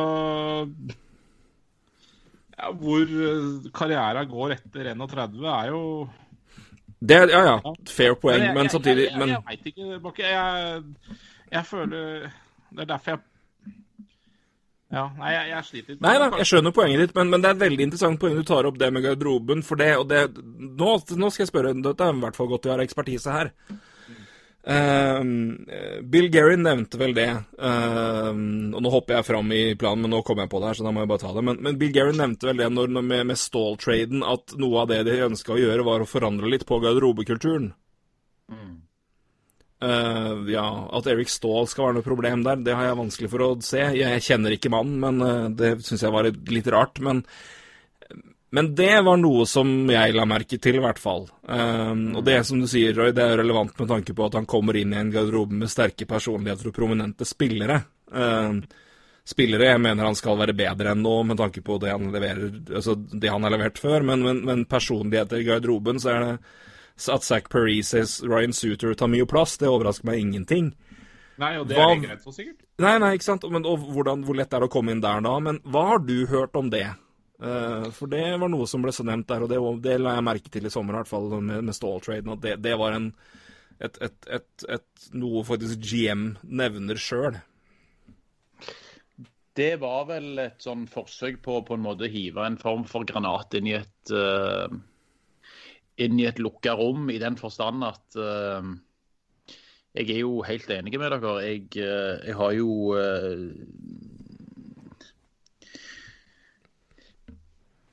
Altså, Du kan si mye om Eric Stahl og hva, forvent, altså, hva som var forventa av han når han signerte, men det som han har vist etter han signerte, taler jo for seg sjøl. Mm. Um, men i den situasjonen som Bill Guerin nå er i, så er han den eneste flyttbare, holdt på å mm. si, markerte blokken som er i den garderoben. Mm. Uh, fordi Zack Parisi og Ryan Suter er for de som har fulgt med litt, grann, eh, relativt fastlåst. Det er greit nok at Zack Parisi var på vei til å gå til, til hmm. New York Islanders for Andrew Ladd. Eh, en annen låtspiller. ja. Mm. Eh, eh, Koivu, utgående kontrakt. Eh, hvordan skal du statuere et eksempel? OK, du kvitter deg med han som scorer mest. Mm. Eh,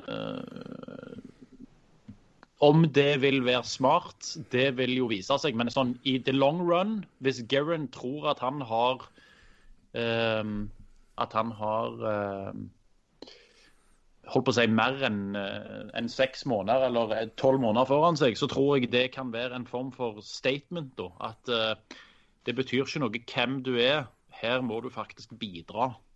Um, Uh, at det var Eric Stahl som røyk, det syns jeg gjerne er litt uh, uh, holdt på å si Fra et subjektivt standpunkt litt urettferdig. For han var jo faktisk en av de som leverte. Men, men, men sitt vekk ifra det, så hvis du ser på det på en måte som, en slags, som et slags prosjekt, så forstår jeg hvorfor han ryker. For det at To av de er uflyttbare, og han ene er på utgående kontrakt. Og da er det siste mann som ryker, for å si det sånn. Ja.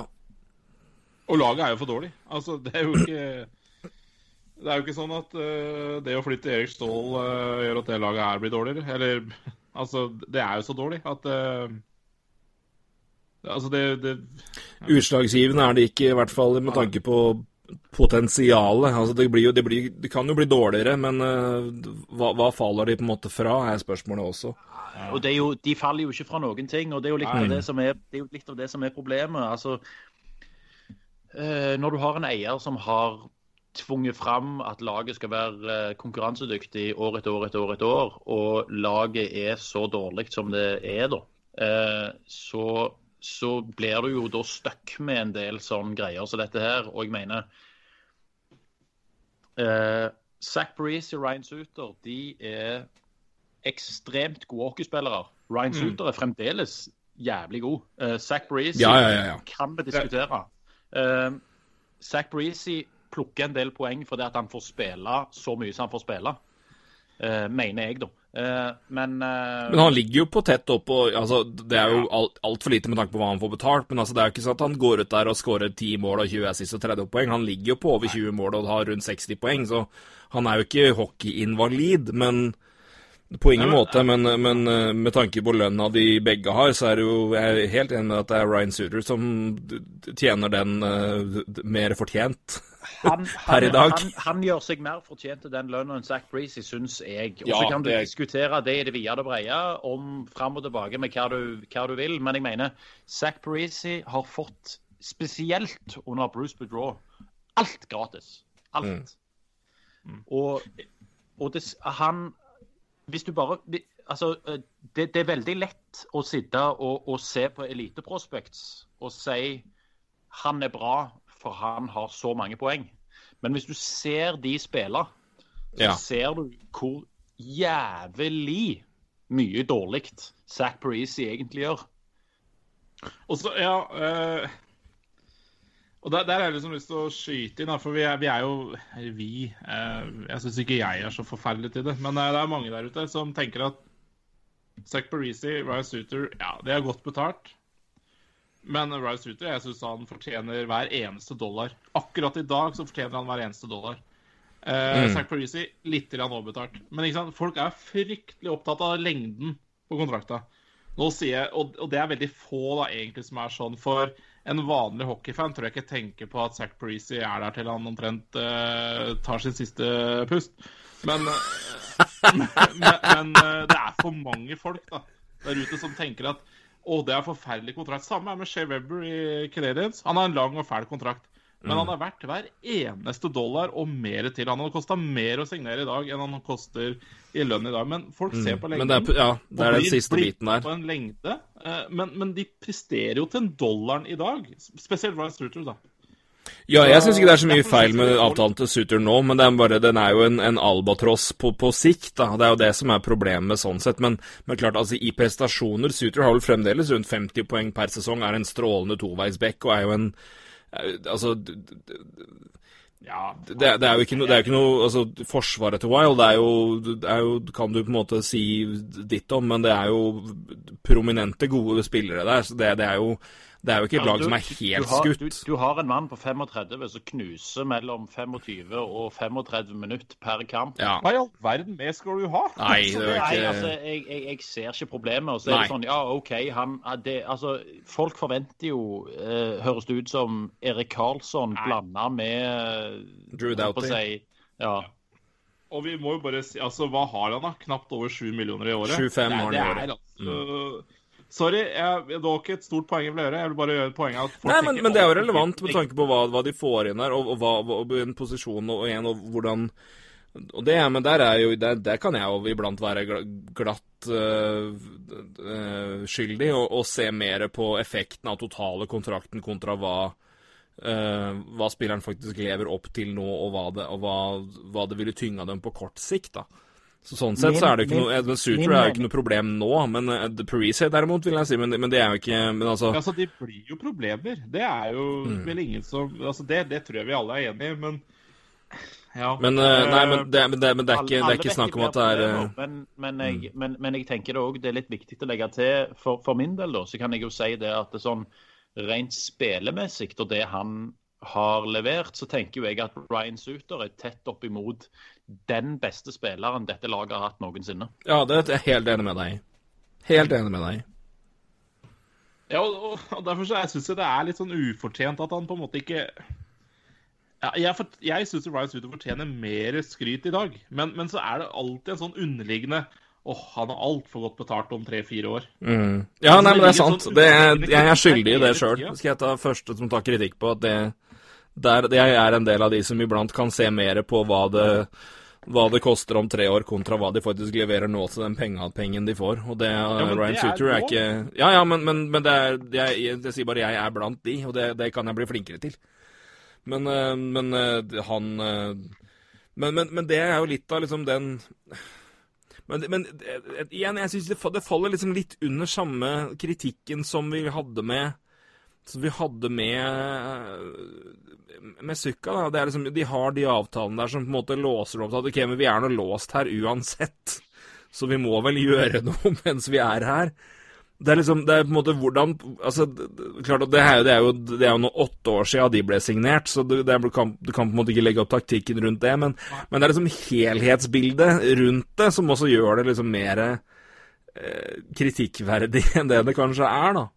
Så man blir jo farga av det. Eller jeg, jeg kan i hvert fall lett bli farga av det, men, men um, Nei da, men det er et interessant poeng i hvert fall med Ja, det er et, veldig godt poeng, men øh, men som du sa, Roy, det er to i hvert fall, altså, både lønnsmessig, spillemessig, men også profilmessig. Det er jo to prominente skikkelser i laget. Ehm, og det er jo, Når jeg sier at Damas skal på en måte komme inn og, på en måte være en som på en måte bygger laget videre, så det, jeg tror, ser jo ikke for meg at han er den som kommer inn og tar mest plass, i hvert fall. Så Men eh, det vet man jo ikke, selvfølgelig. Men det er, hvert fall, det er jo noen prominente, prominente figurer og, og personligheter i det laget her. Men eh, ja, nei, Vi var jo inne litt, litt på, på Garin og, og, ja, og, og, måten han fikk jobben på, og det som har skjedd siden da. at Han har vel egentlig prøvd å rebuilde, men han på en måte han ga en hvit løgn om at nei, vi kan vinne med en gang. Men for å gå tilbake, for å, for å si, sette en, en, en sløyfe på det Når Fenton blir sparka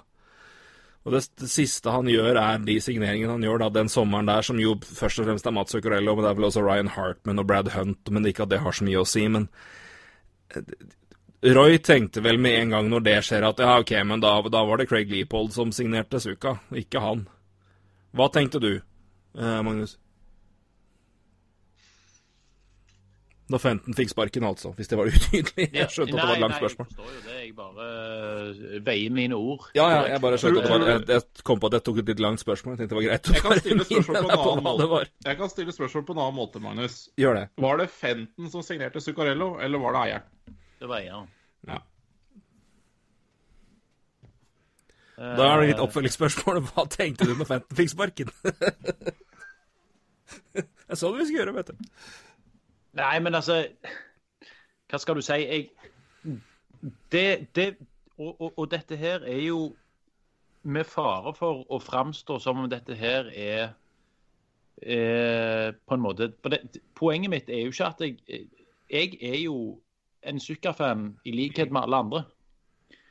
Men dette her, hele det denne sirkuset der, får jo alt til å framstå som om Altså, du da Du har en eh, GM som signerer en av de største fiskerne som er i bassenget på det tidspunktet, Mm. og så gir du han sparken rett etterpå.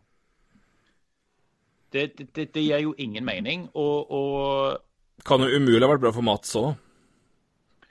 og selvfølgelig, det, det er jo kjempekjipt for Mats-. Altså, det, det Det, altså Han altså, Ja, jeg, jeg vet Jeg vet ikke, men jeg tenker det kan jo umulig ha vært noe positivt for han, i hvert fall. Selvfølgelig er det kjipt, men, men, men samtidig så tenker jeg at én ting er hvem som signerer deg, en annen ting er hvem som trener deg. Ja.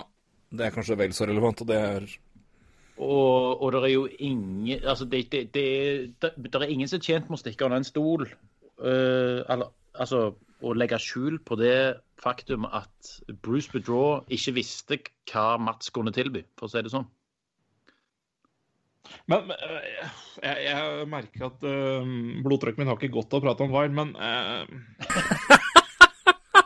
Altså Men tenk hvor jævlig det er for Mats. Jeg, jeg, eller, nei, han har det ikke jævlig. Uh, nå må jeg veie mine ord. Ja. Han har det ikke jævlig. Uh, men Han, altså han, han, han, han, tjener gode penger. også. Ja, jeg må veie mine ord. Jeg må holde kjeft, egentlig. Uh, det hadde vært det beste. Han settes ikke i noen enkel situasjon. Nei, men På ingen på måte. Han, da. som, som, OK, kom til Wild, kom til Wild. Her skal vi vinne.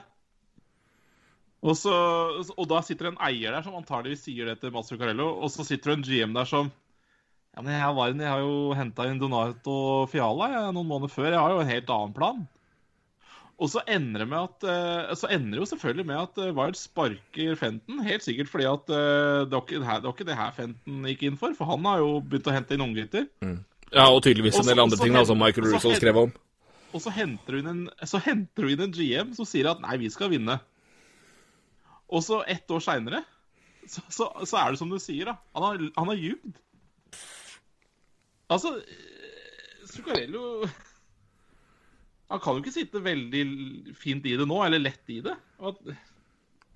Men ja, Han er jo vi har, vi har jo spekulert mye om det her. Altså, jeg, jeg, jeg, jeg liker ikke å spekulere på en måte hva som har vært, hva som har vært intensjonene og på en måte motivasjonene bak ting, men altså jeg, jeg, jeg, har vanskelig for å tro at Mats så Stanley Cup i Minnesota og signerte derfor. Det er eh, Jeg tror han så det femte året på en avtale i en klubb som var ålreit, og et sted han kunne tenke seg å spille personlig, og gikk deretter. Og det er helt greit. Men eh, jeg tror han kjenner jo både jeg tror han, jeg har såpass respekt og tillit til hans både hockeykunnskap og også kjennskap til ligaen, og det har vært så mye rundt at jeg tror ikke han dro til Wild for han tenkte at her skal jeg vinne. I hvert fall ikke prominent med en gang. Det men, men, men, men, poenget, poenget ditt er like relevant uansett, Roy. Jeg er ikke eh, Kjempe. Ja, OK. Kjempe er greit. Kjempe, ja, mentaliteten, det, det er to forskjellige ting. Da er, jeg, da er jeg enig med deg. Da er jeg enig med deg. Men eh, ja. Nei, men det er en eh, Nei, det er en vanskelig situasjon. Men det er et vanskelig la... Altså, men jeg tror litt av Litt av biten er på en måte at det, det vi egentlig snakker om, Mats, er egentlig en del av et større puslespill som på en måte Hva er egentlig wild? Og det er jo det som har vært liksom to års debatt, og som vel de nå Bill Guerin nå vel tydeligvis har trumfa gjennom, at vi skal i hvert fall prøve å gjøre noe her. Og begynne å bygge opp litt. Og nå får de endelig inn Kiril Kaprizov. Men men skjønner du hva jeg mener da? Det har, har det vært en sånn hva, hva er det laget her egentlig? Det har vært litt sånn i limbo siden Fletcher ble borte. For det virker som det har vært sånn to, at de har liksom ikke blitt helt enige eier og GMs, egentlig, før tydeligvis nå, da. Magnus, få rette til deg siden vi har to mann her. Nei, jeg må holde kjeft, så. Jeg skal Jeg, ikke ha noe eh, hjertetilfelle på podkasten her. Nei, det, Det hadde gitt klikk, men lell, jeg er mer glad i deg enn som så. jeg tror Ja. Men skjønner du hva jeg mener? Magnus? For det virker jo som at det har vært et lag så altså, Ikke bare har det vært liksom at det vi snakker om med Mats, eller rundt Mats og klubben, er på en måte pro- har vært litt problemet klubben har vært i det hele tatt. Det har vært litt sånn Altså, hva er vi egentlig? Skal vi kjøre videre, eller skal vi begynne på nytt? Stemmer det. Det er jo det som har vært egentlig utfordringer for dette laget her i, eh, i ganske lang tid. Det er jo eh, det er jo sånn som jeg sa innledningsvis, du har jo en eier som forventer at dette laget her skal være nærmest uh, uh, Jeg holdt på å si uh,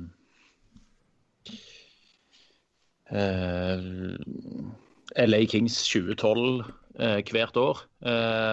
Du skal stele, spille med et lag som, som overrasker alle og vinner vinner sluttspillet. Og, og, det er på en måte det som har vært hans inngangsvinkel til, til alt.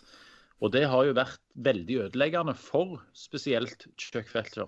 Chuck Fletcher for det at han um, Fordi han um,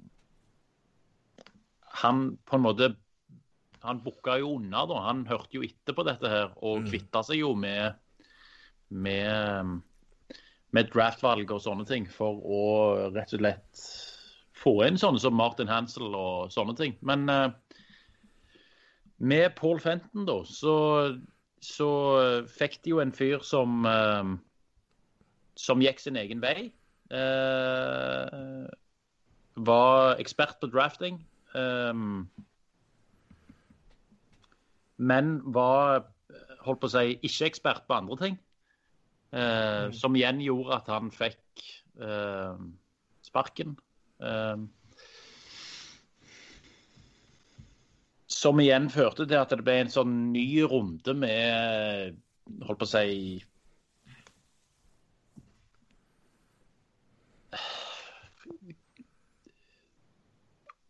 Offisiell eh, dårlig stemning mellom mm. management og, og eierskap.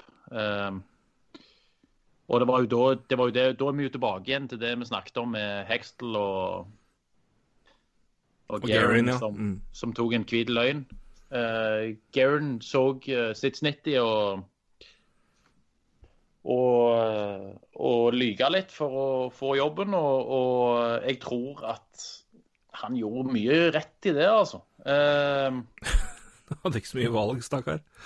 Nei, altså Det er jo én ting at han ikke hadde så mye valg. Men en annen ting er jo det at jeg tenker i, i, disse her, holdt på å si, settingene her, da, med, med, med det holdt på å si, apparatet som er rundt, så, så blir du da framstilt som enten som er du en savior, eller så er du a nobody. Det er jo sånn amerikanerne gjør det hver gang. Mm. Enten så har du kontroll på alt, eller så har du kontroll på ingenting.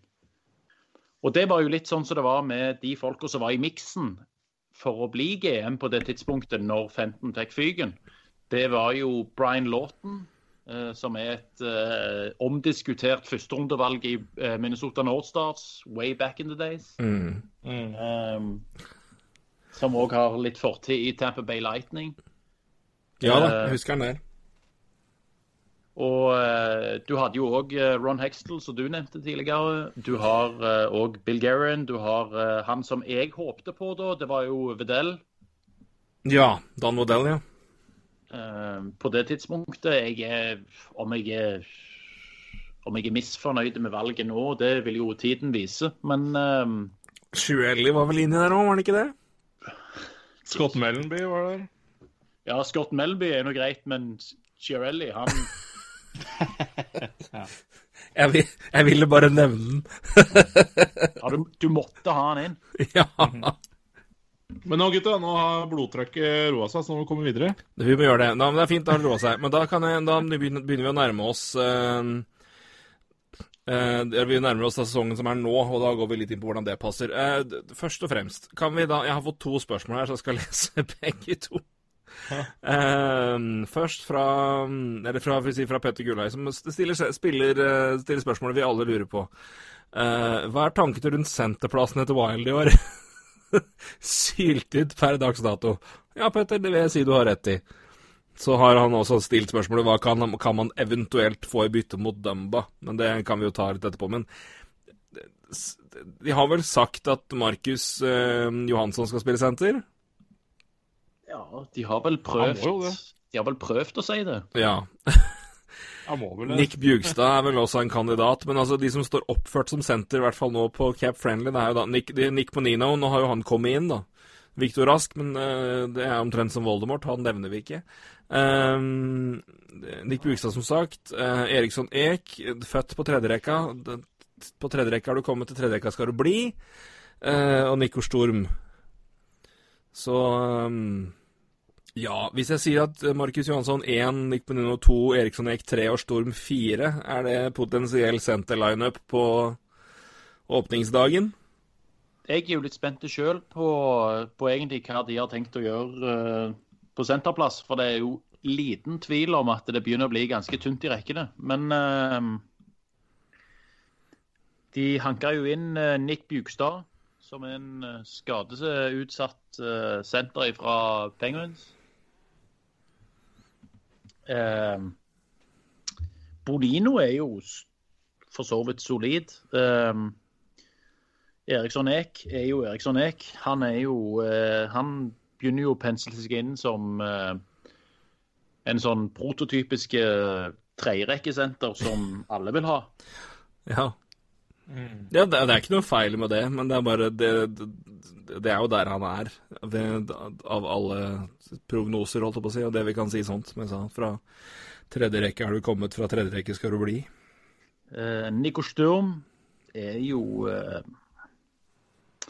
Jeg tror jo den mannen der har et større potensial enn det egentlig det som er blitt vist nå.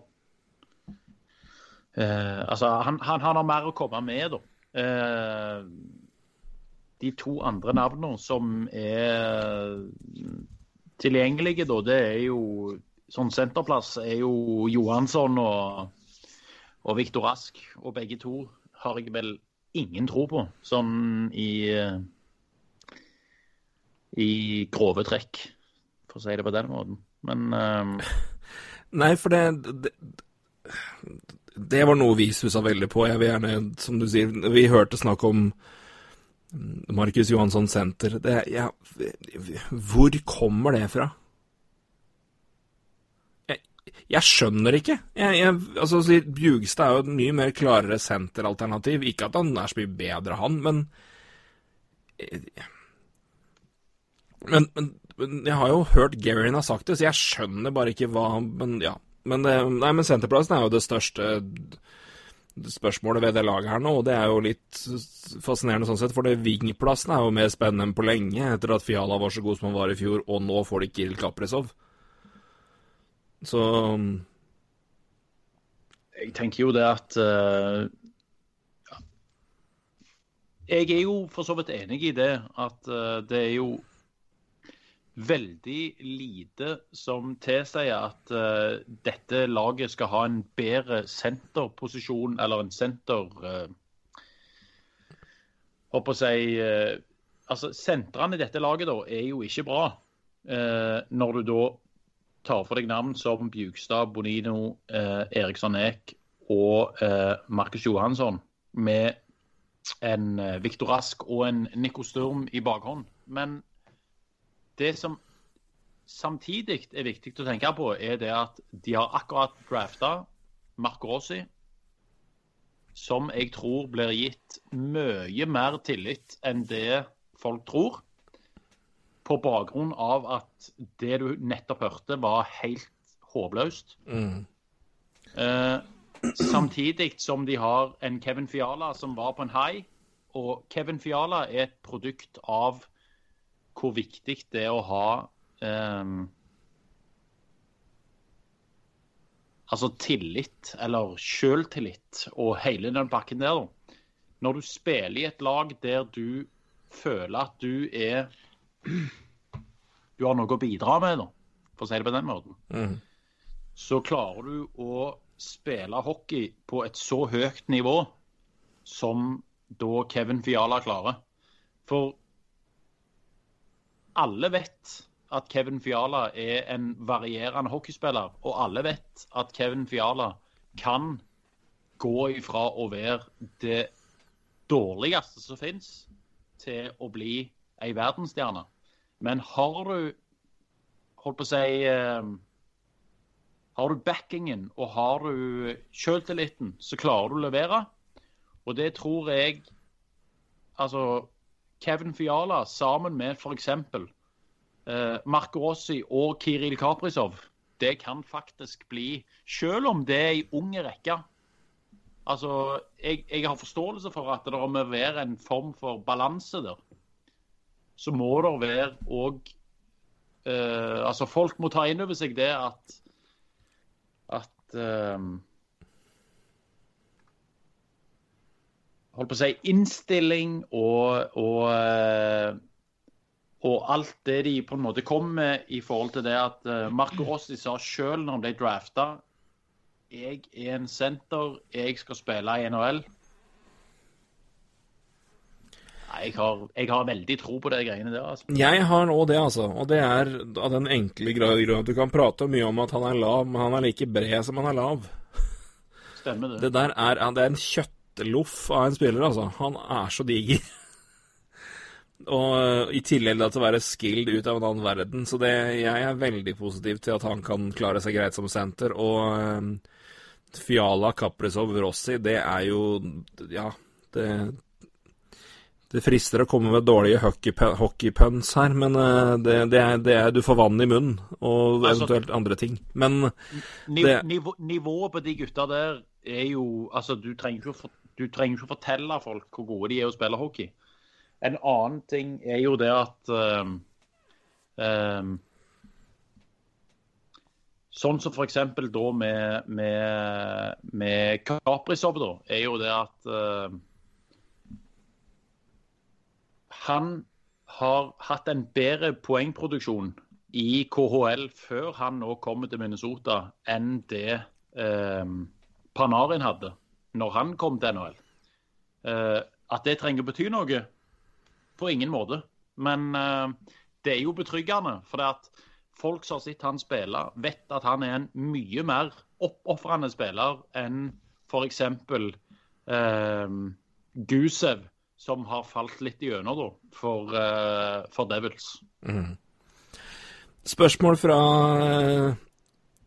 ØFB, eller Pumabuno om du vil, Pumabuno om du vil, på Twitter. Um, for integreringen av Capri så var det dumt at Varg ikke har sikra seg en russer eller to til å komme over med han, eventuelt en som har vært gjennom prosessen før. Tidligere rekkekamerat Grigorenko var jo tilgjengelig, mens Dalanov hadde kanskje blitt for dyr med tanke på cap. Burde man prøvd å hatt en, uh, en taktisk russer på plass i tillegg her? Det er jo et, jeg synes det er et legitimt spørsmål, faktisk, for det er uh, Du skal jo passe inn og trives. Spørsmålet er dritbra, men uh... Men cap er vel kanskje et poeng her òg? Cap er vel alltid et poeng, men uh... Ja, det er sant. Grigorenko var vel en fyr som jeg uh, Jeg sjøl, uh, når jeg så på CSKA, tenkte at uh, det må være smart å signere han. Um, han er jo eh, Eller han var jo tross alt senteren til, til Kaprizov i, eh, i CSKA siste sesongen. Um, men det som, det som uh, Kaprizov har sjøl, da, det var jo det at han For han er det viktig å på en måte sette et statement for seg sjøl at han er en del av et eh, et eh, holdt på å si management. For han har jo bytta, agent. Mm. Og for han er det viktig å vise at han sjøl um, Altså, holdt på å si Ikke respekterer, men um, Men uh, klarer fint å, å reise til et Eh, et, land som ikke har hans språk, da, for å si det på hans måte.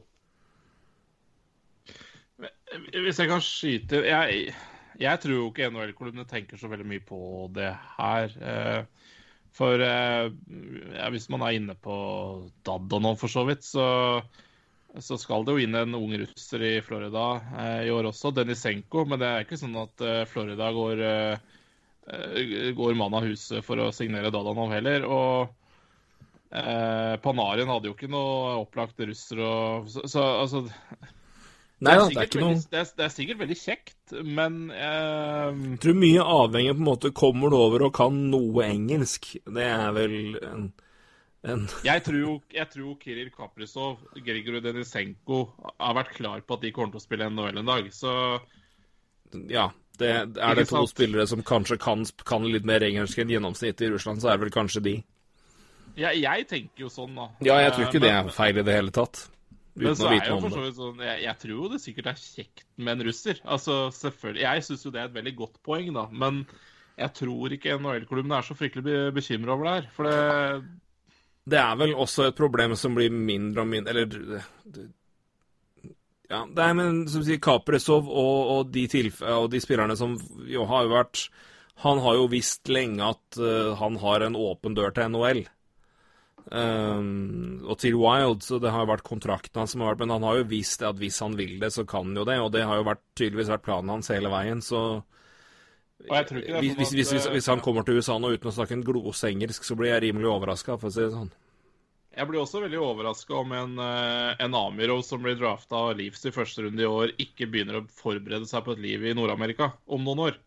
Ja. Så Det er klart Kaprizov Det er jo ikke sånn at uh, hans uh, karriere har vært uh, ensbetydende med at han skal til NHL. Han ble jo drafta seint, men eh, Eller relativt. Så Nei, nei, men, men det, det, med det han har levert i Russland, så har det jo vært åpenbart at det har vært interesse derfra. Det har jo vært snakka om lenge. Eh, for ble å bare men, men nå er Kaprizov 23 år. Jeg bare Ja. tenker jeg, jeg, jeg ser, jeg, Det er sikkert kjekt å ha en annen russer, men nå er Kaprizov 23 år, så Jeg tror kanskje det hadde vært mer gjeldende hvis han var litt yngre, da. Eh, Ja.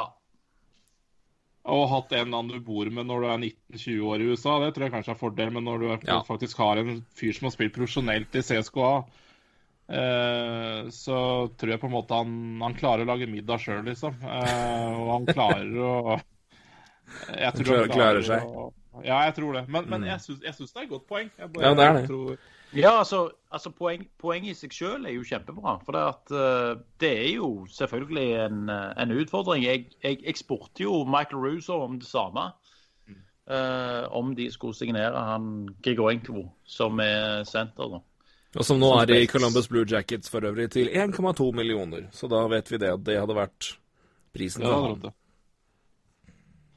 Ja, Det er jo småpenger i denne sammenhengen å regne. Men, eh, men, men, men det som samtidig jeg syns er holdt på å si en tillitserklæring, er det at, at Bill Guerin sier da at uh, ut ifra det jeg opplever med Kiril Kaprizov, så er han så stødig i engelsk, og han, han er så god å spille hockey, no shit, uh, at uh, dette her skal gå helt greit. For det at han har hatt en dialog med Kaprizov, eh, som han selvfølgelig bør ha når han har signert han. Eh, der Kaprizov har svart med at eh, han er interessert i å lære seg russisk. Eh, Engelskrat, Nei. vil jeg tro. ja, sorry. Eh, engelsk, går, eh, det går så bra. Eh, han er interessert i å lære seg engelsk. Han er interessert i å bli en del av laget. Eh, og han er samtidig interessert i å ikke føle seg til bry. For det òg er noe som er veldig viktig for russere, og det er noe folk glemmer. Ja, det er et, ja, det er et veldig godt poeng. Som jeg helt ærlig aldri har tenkt på, men For det, at det, det å føle seg til bry Én ting er å være fra Norge. Vi gir faen i det. Men russere, for de er det viktig. Mm.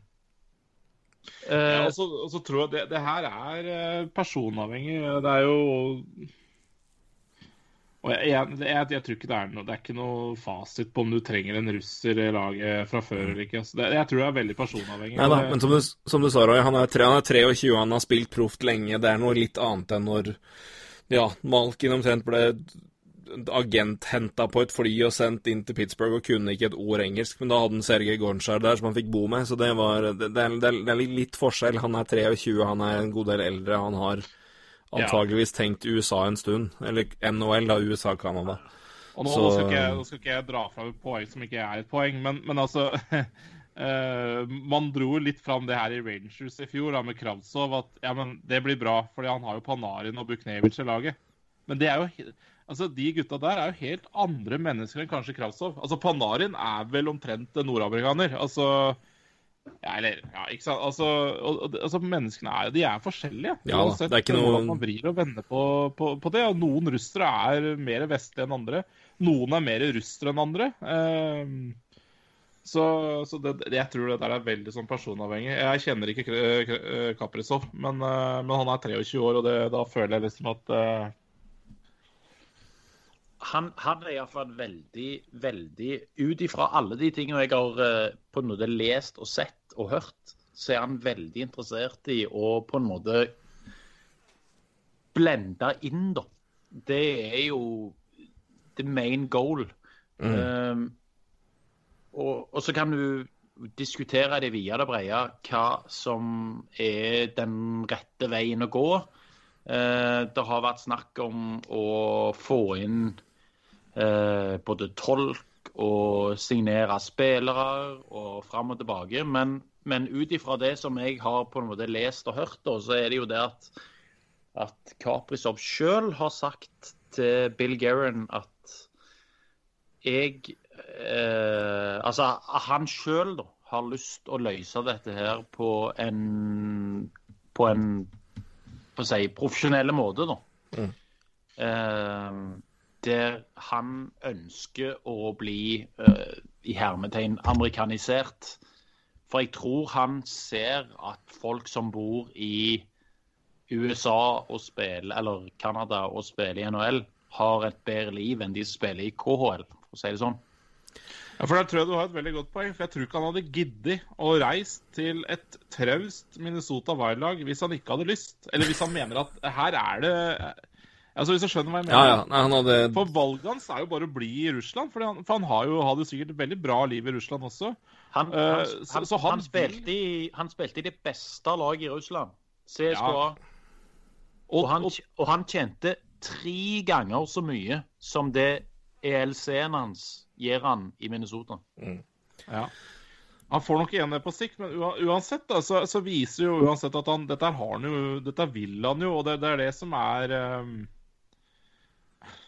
Som er vanskelig med de russerne når man skal drafte de, fordi eh, noen ja, Nå ser jo dårligere ut med KL, altså sånn sett så ser det jo bedre altså Jeg tror det er enklere å drafte en russer nå enn det var når Kaprizov ble drafta. Uh, og dermed så går også Kaprizov lavere enn det han skal, uh, tror jeg, når han blir drafta. Men, uh, men det er en annen diskusjon. Men jeg, jeg, Kaprizov er klar for det her. Men, men igjen, eh, med unggutter eh, så skal man jo aldri si at noe er sikkert. Eh, Men potensialet er i hvert fall veldig, veldig godt. ja, altså Potensialet er så høyt som det går an.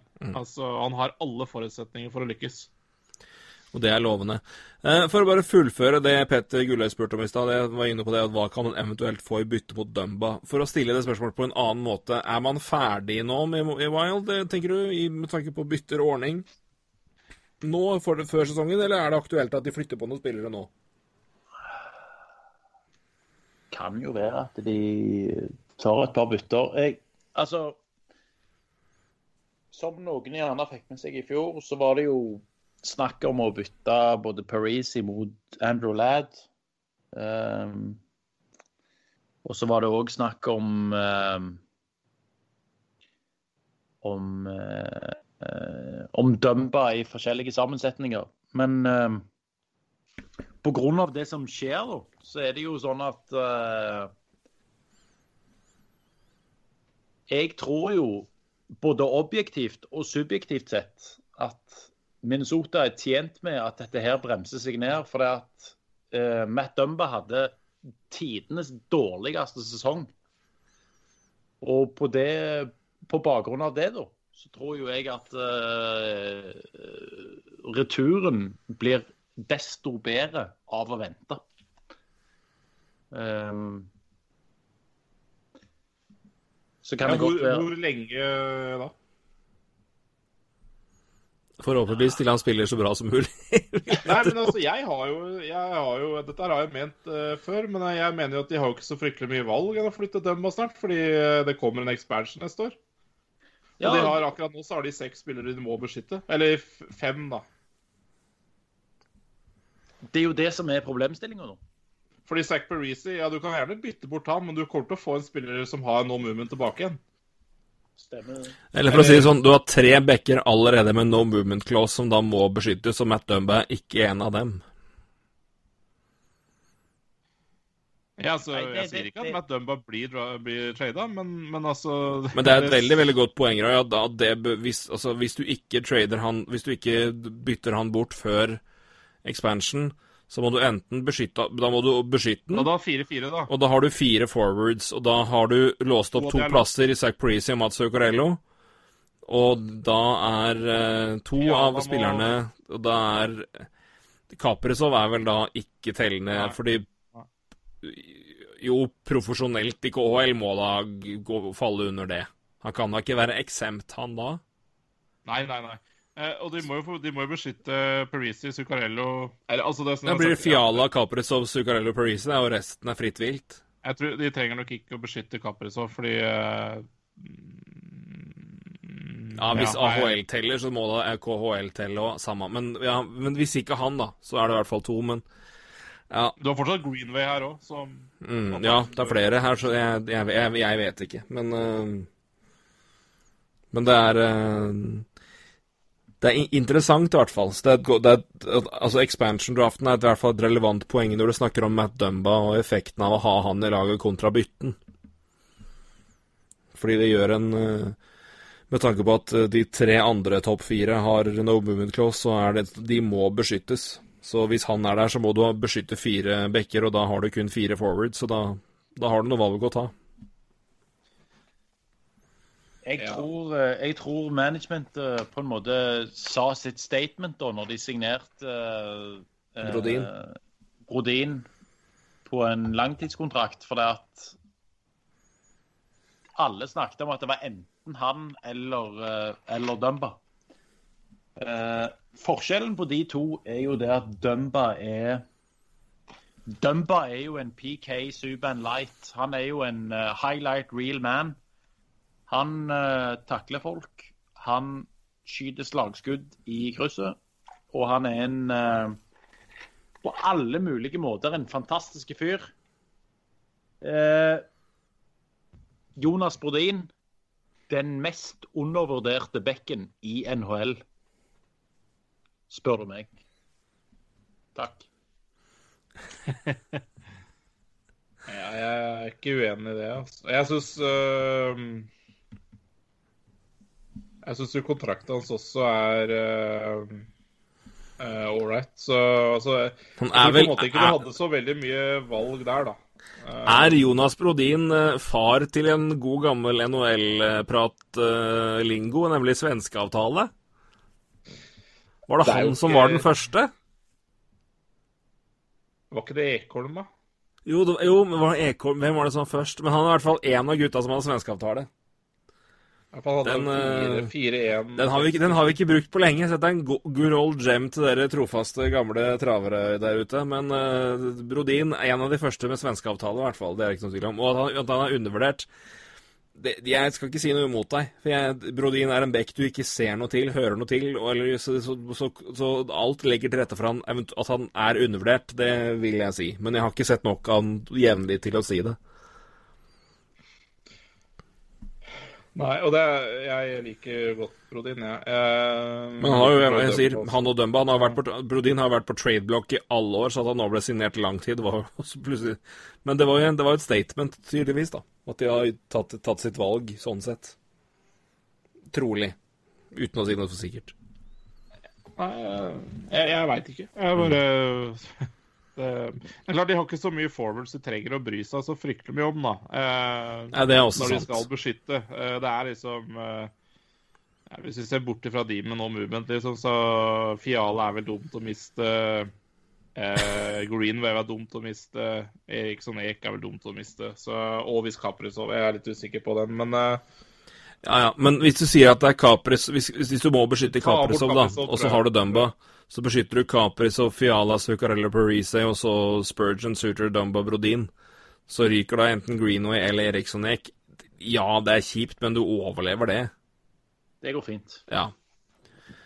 Så det er ikke den Ja, du er ikke i en situasjon hvor den expansion Altså, det er, for, det er relevant, for all del, men det er ikke en situasjon hvor den på en måte fremprovoserer en trade fordi du mister Ja, du har ikke to-tre Kevin Fiala-spillere, du At du mister én av dem, da. Det er jo også et relevant poeng der. Ja da, nei da, jeg ville heller beholdt eh, Matt Dumba enn å, enn å være redd for å miste Eriksson Hek. Ja. Ja. Jeg ville det, men uh, Der er vi nok enige. ja, enig. eh, De kan jo finne på Men eh, hvis vi ser litt mot Vi har snakka om, litt om senterplass, vi snakka litt om Dumba, og vi snakka litt om uh, Kaprizov. Um, neste Hva er det laget er kapabel til, tror du, og hvordan passer Mats inn i det laget her, som du ser det? Hvor vil du helst se han? Det er jo et godt spørsmål, for det at eh, Som det er blitt påpekt, så er det jo ingen spesielt uh, framtredende senter i dette laget her. Men uh, Hvis jeg legger premisset, da. Kaprizov er der, det vet vi jo. Rossi drøyer et år. ja. Så vi er på da de sentrene vi snakka om tidligere, eller senteralternativene, da. ja. Eh, Ehm, da vil jeg si at eh, Hva er din topp seks, da, for å si det sånn? Sammensetning av vinger og, og senter. Da er det Bjugstad Bonino med Fiala. Uh, ja, det kan være Johansson kom inn der, men jeg, jeg, jeg har ikke så mye tro på han da, for å ødelegge det jeg skulle si. Uh, noen mener han eh, gjorde en god figur som senter i, i Sabres, men jeg er ikke så enig i det, altså. Um, men det er jo, jo Parisi, Zuccarello, som er ving i uh, første eller andre rekke. Uh, og så er det da Fiala og, og Kaprizov som er vinger i eh, Altså de andre, topp seks-paret, det er de to. Ja. Ja, jeg er ikke uenig i det, altså. Det er vel det jeg hadde prøvd på sjøl. Og så Ja, Bjugstad og Bonino med seg som senter er ditt tips her. Ja, nei, det er et Jeg er ganske enig i det. At det er det beste Beste alternativet, sånn jeg ser det. Det er um, kanskje nesten også Markus Johansson foran Zack Parisi, men det er noe så Pro, pro, proble- problemet er jo det at uh, laget har jo nå uh, satt seg i en posisjon der de har altså Bjugstad, Bonino, Eriksson Eek, eh, Johansson og Viktor Ask med Nico Sturm i bakhånd. Eh, der ingen av disse navnene som jeg har eh, ramst opp, er er egentlig topp seks-senter. Og det er jo en utfordring i seg sjøl. Det er akkurat det. Det er Jeg lurer akkurat det. på om uh, Min egen teori er jeg lurer på om Bugstad blir wing. Altså. Jeg, tror, jeg tror enten Johansson eller Bjugstad blir ving men jeg heller mer mot Ja, ja. at det blir Johansson, Ja, fordi jeg skjønner ikke det. Altså, Bjugstad har i hvert altså, fall spilt litt er- senter. Jeg, jeg, får, ikke jeg får ikke Johansson til å passe på ving, men uh, Bjugstad på høyre ving i tredje rekka, det får jeg til å passe. Men Markus Johansson, da, hvilken ving skal han spille? Jeg hadde satt den på samme, satt han med Eriksson, satt han med Eriksson og Greenway. Hadde jeg satt han. Ja, de er jo på samme side, da. Er ikke han right wing, ja? Markus Johansson? Ja, nei, samme. Det jeg husker ikke helt Ja, nøyaktig hvor, men Nei, men, ja, men, ja, nei, men jeg, jeg tror vel i er hvert fall en av dem blir wing, Det er jo det, så han kan spille alt, egentlig. Men eh, jeg, jeg, jeg veit ikke. Jeg bare Jeg syns det bare er Ja, nei, jeg Men Det spiller jo egentlig ikke så mye rolle, det her. Det er jo Du kan jo egentlig opp, du kan, altså Vi har snakka veldig mye om senterplassen i Minnesota Wild. Du kan jo egentlig bare si 'jeg vet ikke' og runde av der, og så er du like langt. Men det er jo fryktelig dårlig podkast, da, selvfølgelig. Men eh, Men det, det, det du kan si, det er jo det at eh, Marco Rossi kommer til å bli førstesenter i dette laget uansett. Det er det du kan si. Jeg, jeg, jeg, jeg, er ikke jeg, jeg heller mot det. altså. Jeg, jeg tror fort vekk at han spiller neste sesong. I hvert fall hvis det er en forkorta sesong, som det jo det, tyder mot å bli. det, det, det de har å tilby på senterplass, er så jævlig lavt nivå.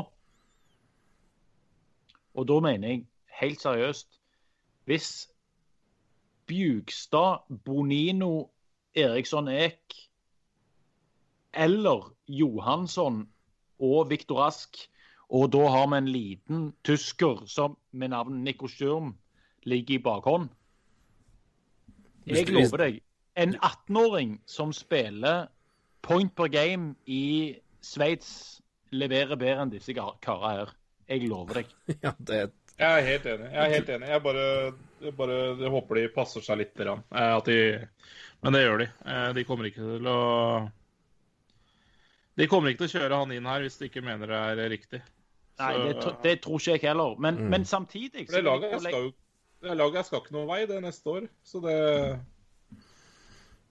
Nei, de, de skal jo ikke vinne en drit. Men samtidig så vil jeg, syns jeg det er litt løye å si, det. For jeg har jo hørt på dere tidligere. Og, og den mest den mest typiske Minnesota Wild eh, av si draft picker da, det var jo Anton Lundell. ja. Og for øvrig er en helt nydelig ishockeyspiller. Han herjer jo, så Han pisser jo så jævlig! Ja.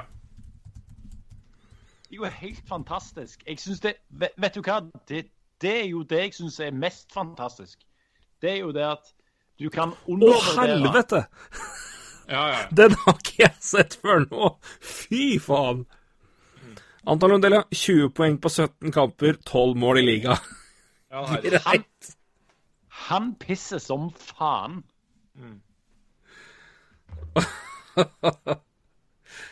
Ja, det er moro. Får håpe at han kan bli det Henrik Borgstrøm aldri ble, da, for, Florida sin del. Oi, oi, oi. Nei da, men, men du sa jo, vi, vi snakka litt om det her, at Lundell det dunsta jo wild. Men det at vi går på Rossi, er jo kjempe, kjempespennende. Det er jo kjempebra. Men eh, jeg tror begge, Det- deler, jeg tror begge Jeg blir trodde veldig ikke gode Rossi spillere. være der på ni, eller da. Ja. Men, Det eh, ja. trodde ikke jeg heller. Nei, ikke jeg heller. Så, men eh, Og hvis ikke, så de måtte vel ha tatt Lundell da, eller? Selvfølgelig. Ja, nei, men det er jo strålende. De, strålende. prøv, de, de, de prøvde jo å De prøvde jo å dytte over um, Matthew Boldy for å få um, For å få uh, tolvtevalget, så de kunne ta uh, Lundell. Det hadde vært smart, vet du. Så da hadde de fått to sentre. Da hadde de hatt Rossi og Lundell i all framtid. Så hadde de hatt første og andre senter i de neste 20 åra. Og du hadde Kapris og du hadde Fiala Altså, det Da hadde vi snakka Da Altså, det er altså, ja. Nei, altså, men det skal jo altså Det er jo tilfeldigheter som spiller inn, nå. Ja, ja. Ja, og dette syns jeg er litt gøy, fordi når du nevnte liksom rekka i stad Altså selvfølgelig litt eh, drømmer i det her òg, men også selvfølgelig realistisk. Altså med og Rossi, Fiala.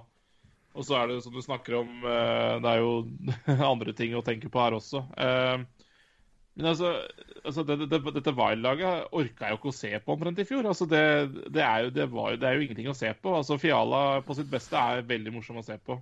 Zuccarello òg, for så vidt, men det, ja, ja.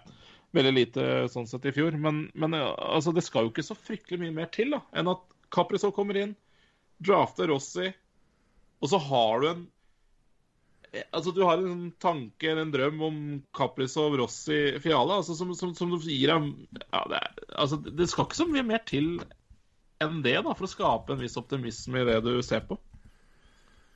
Og det skal ikke så mye mer til for at jeg skal se på Wiley igjen. Altså, Som du sier, tilfeldigheter. Men uh, ja, nei, NHL er morsomt på den måten der, altså. Ja da, de har, noe, de har jo også noen ålreite unggutter i bakhånd i tillegg, så det, jo, det kan jo komme sånn sett inter, interessante, gode spillere òg, men, men det er godt poeng du si sier. Altså, Capri, Kaprizov, hvis du legger på Hvis Rossi kommer inn i det laget her, da, så legger du til Kaprizov i tillegg, så er jo det to spillere som jo er veldig spennende å se på, bare for ok, hvordan ser de gutta her egentlig ut. Så det er uh, Uansett hvordan det går, så kan det jo fort være et lag som er veldig interessant å se på utover selvfølgelig hvordan går det med Mats. Men, eh, Men hvis vi begynner å, å vi, vi, kunne snakka om wild og hockey alle dager med deg, så vi, du må komme tilbake snart så vi kan snakke mer hockey, for dette kan, det her kan gå langt. Men uh, vi begynner å nærme oss uh, Vi nærmer oss nå fem, fem Wild-podkaster i lengde, så vi må nesten begynne å runde av. Men uh, men uh, hva kan det laget få til neste år? Det er litt uh, uinteressant. Men hva ønsker du å se da fra laget, og, og, kanskje også Mats, da, hvis vi tar med det spørsmålet der. Hva ønsker du å se fra, fra laget? Og da mener jeg som helhet, både Gerin og på en måte hva, hva, hva man legger opp til, og, og, og fra Mats, og hva, hva tror du han kan få til nå under en, en, ny trener, da, som han har spilt litt under. Men Dean Evison er jo nå trener, ikke Bruce Boudreau. Det er jo noe som forhåpentligvis kan, kan hjelpe han litt. Hva, hva, tenker du både om laget og Mats neste sesong? Jeg tenker jo det at uh, Det ville jo vært jævlig kult hvis uh, Hvis Mats med sitt repertoar får spille sammen med F.eks.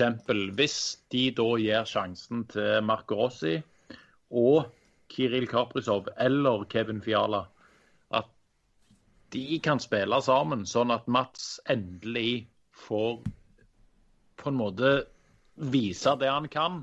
Selv om han er på en måte på oppløpssida og er en voksen gutt. Spille sammen med to, to karer som kan holdt på å si, sparke han. Det har jeg lyst til. Det har jeg lyst til.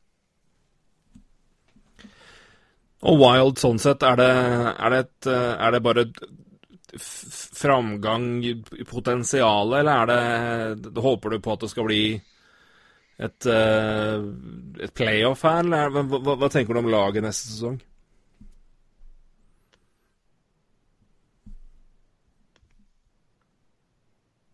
Tenker jo at uh, å håpe på playoff må vel være på en måte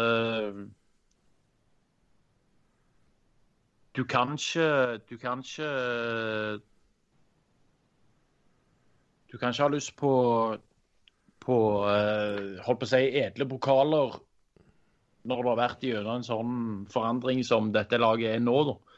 For nå har jo uh, nå har jo Bill Guerin på en måte tatt det relativt langt ned. Eh, så må vi jo på en måte ta utgangspunkt i det, da. Og så bygge videre. Men eh,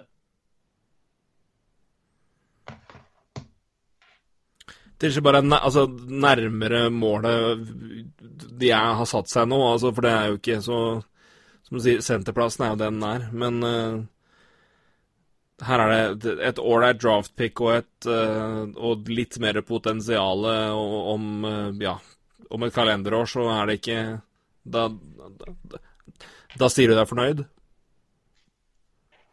Jo, men altså et, uh, et uh, all-rate draft pick og, og et uh, godt kalenderår, så blir du ikke bedre av den grunn. Du må jo på en måte bygge opp en uh,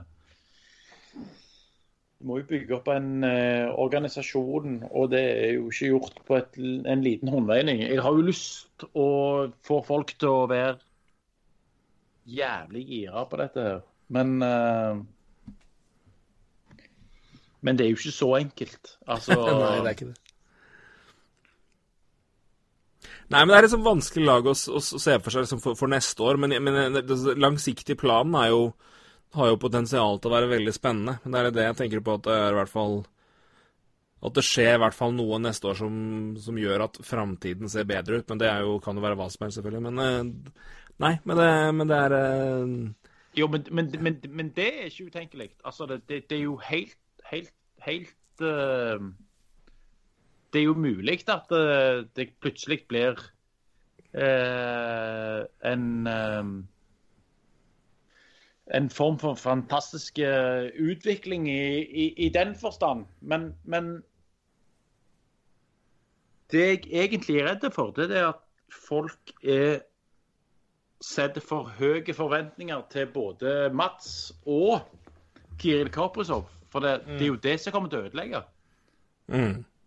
For folk, tror, for folk tror at, at uh, Altså, én ting er i Norge. Altså, I Norge så er det Mats. Og, og folk tror at Mats skal liksom seal the deal. Mm. Eh, internasjonalt så tror folk at det er Kiril Kaprizov er den nye Pavel Bray. Ja, Og det, og det er ikke greia, liksom. Nei, det er i hvert fall ikke sjølklart. Det er eh, Har han potensial til å bli noe sånt? Ja, men det er eh, Du skal ikke gå ut og vente det, nei.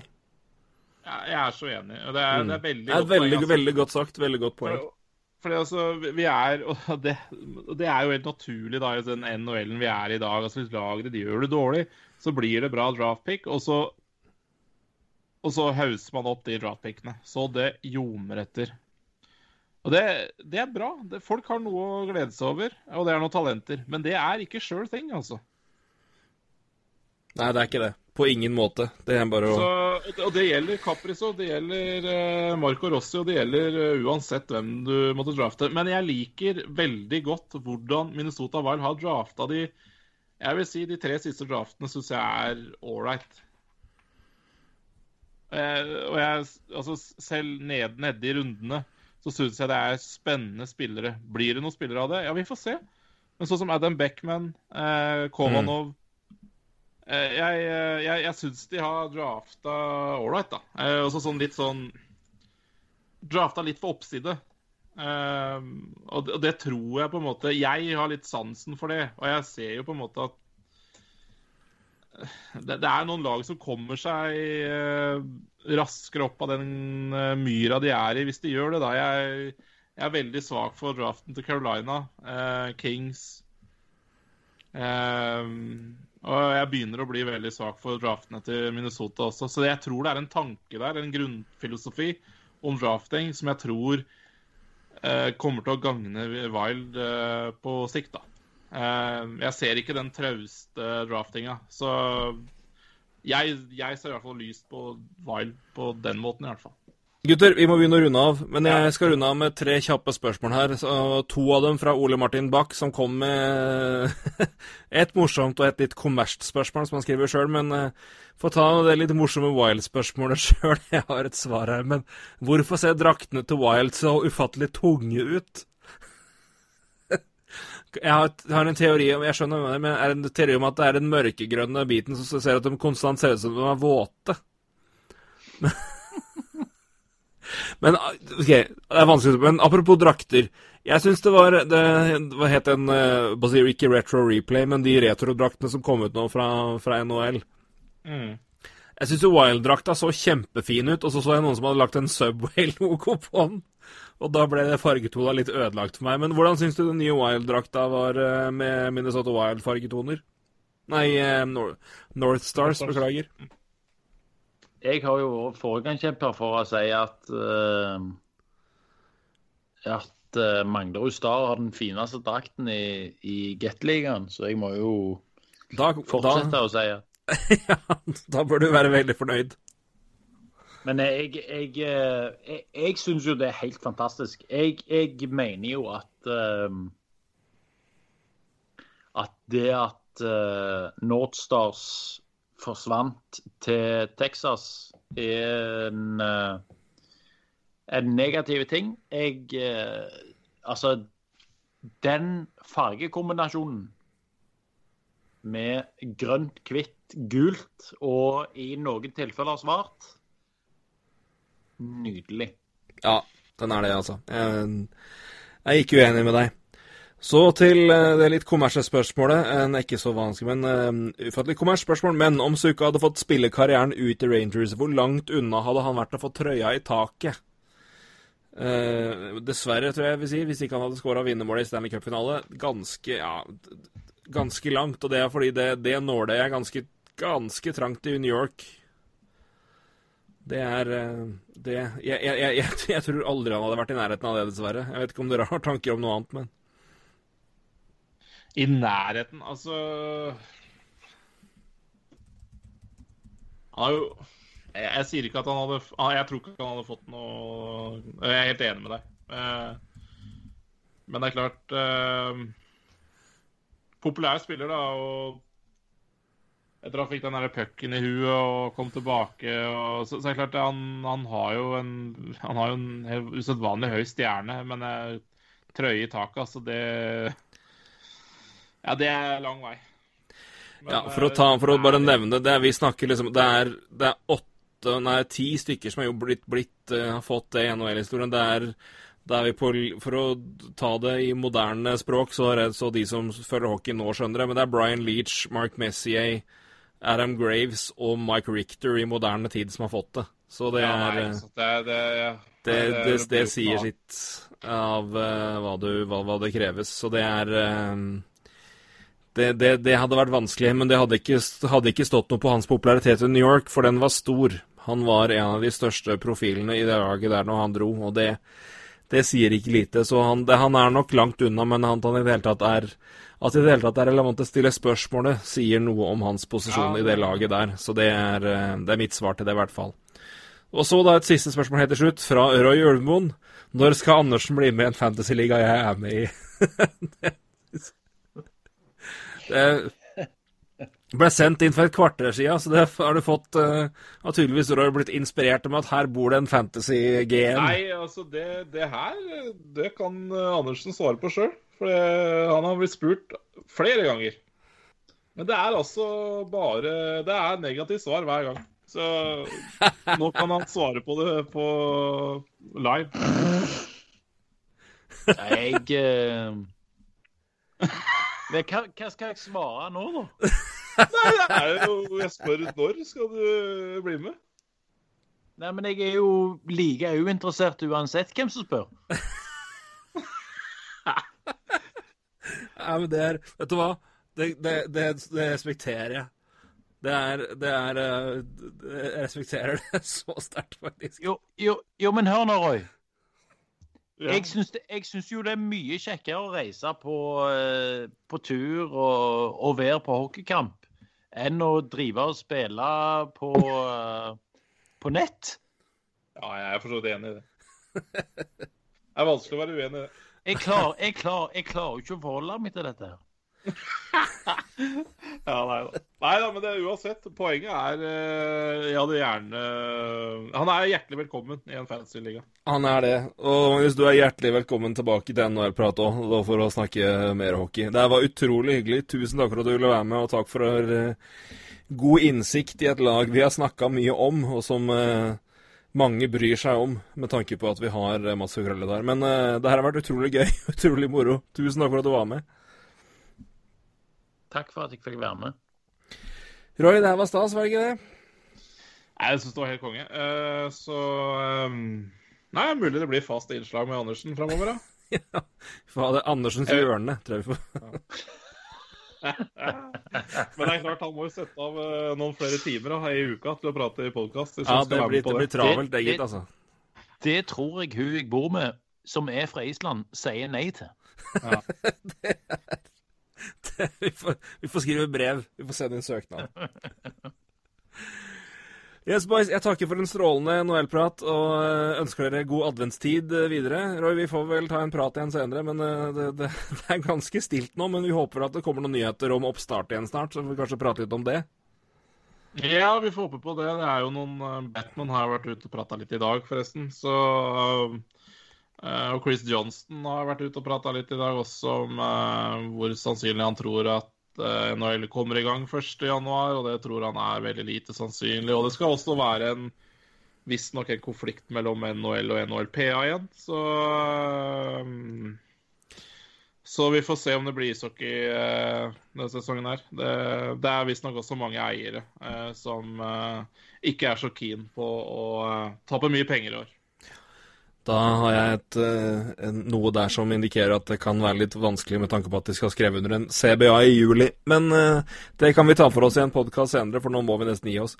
Emil, hjertelig for at du er med. Takk til eh, dere som hører på. Og vi er Vi får ta for oss om det blir NHL eller ikke i neste podkast. Vi er i hvert fall ferdig nå. Takk for nå. Hei.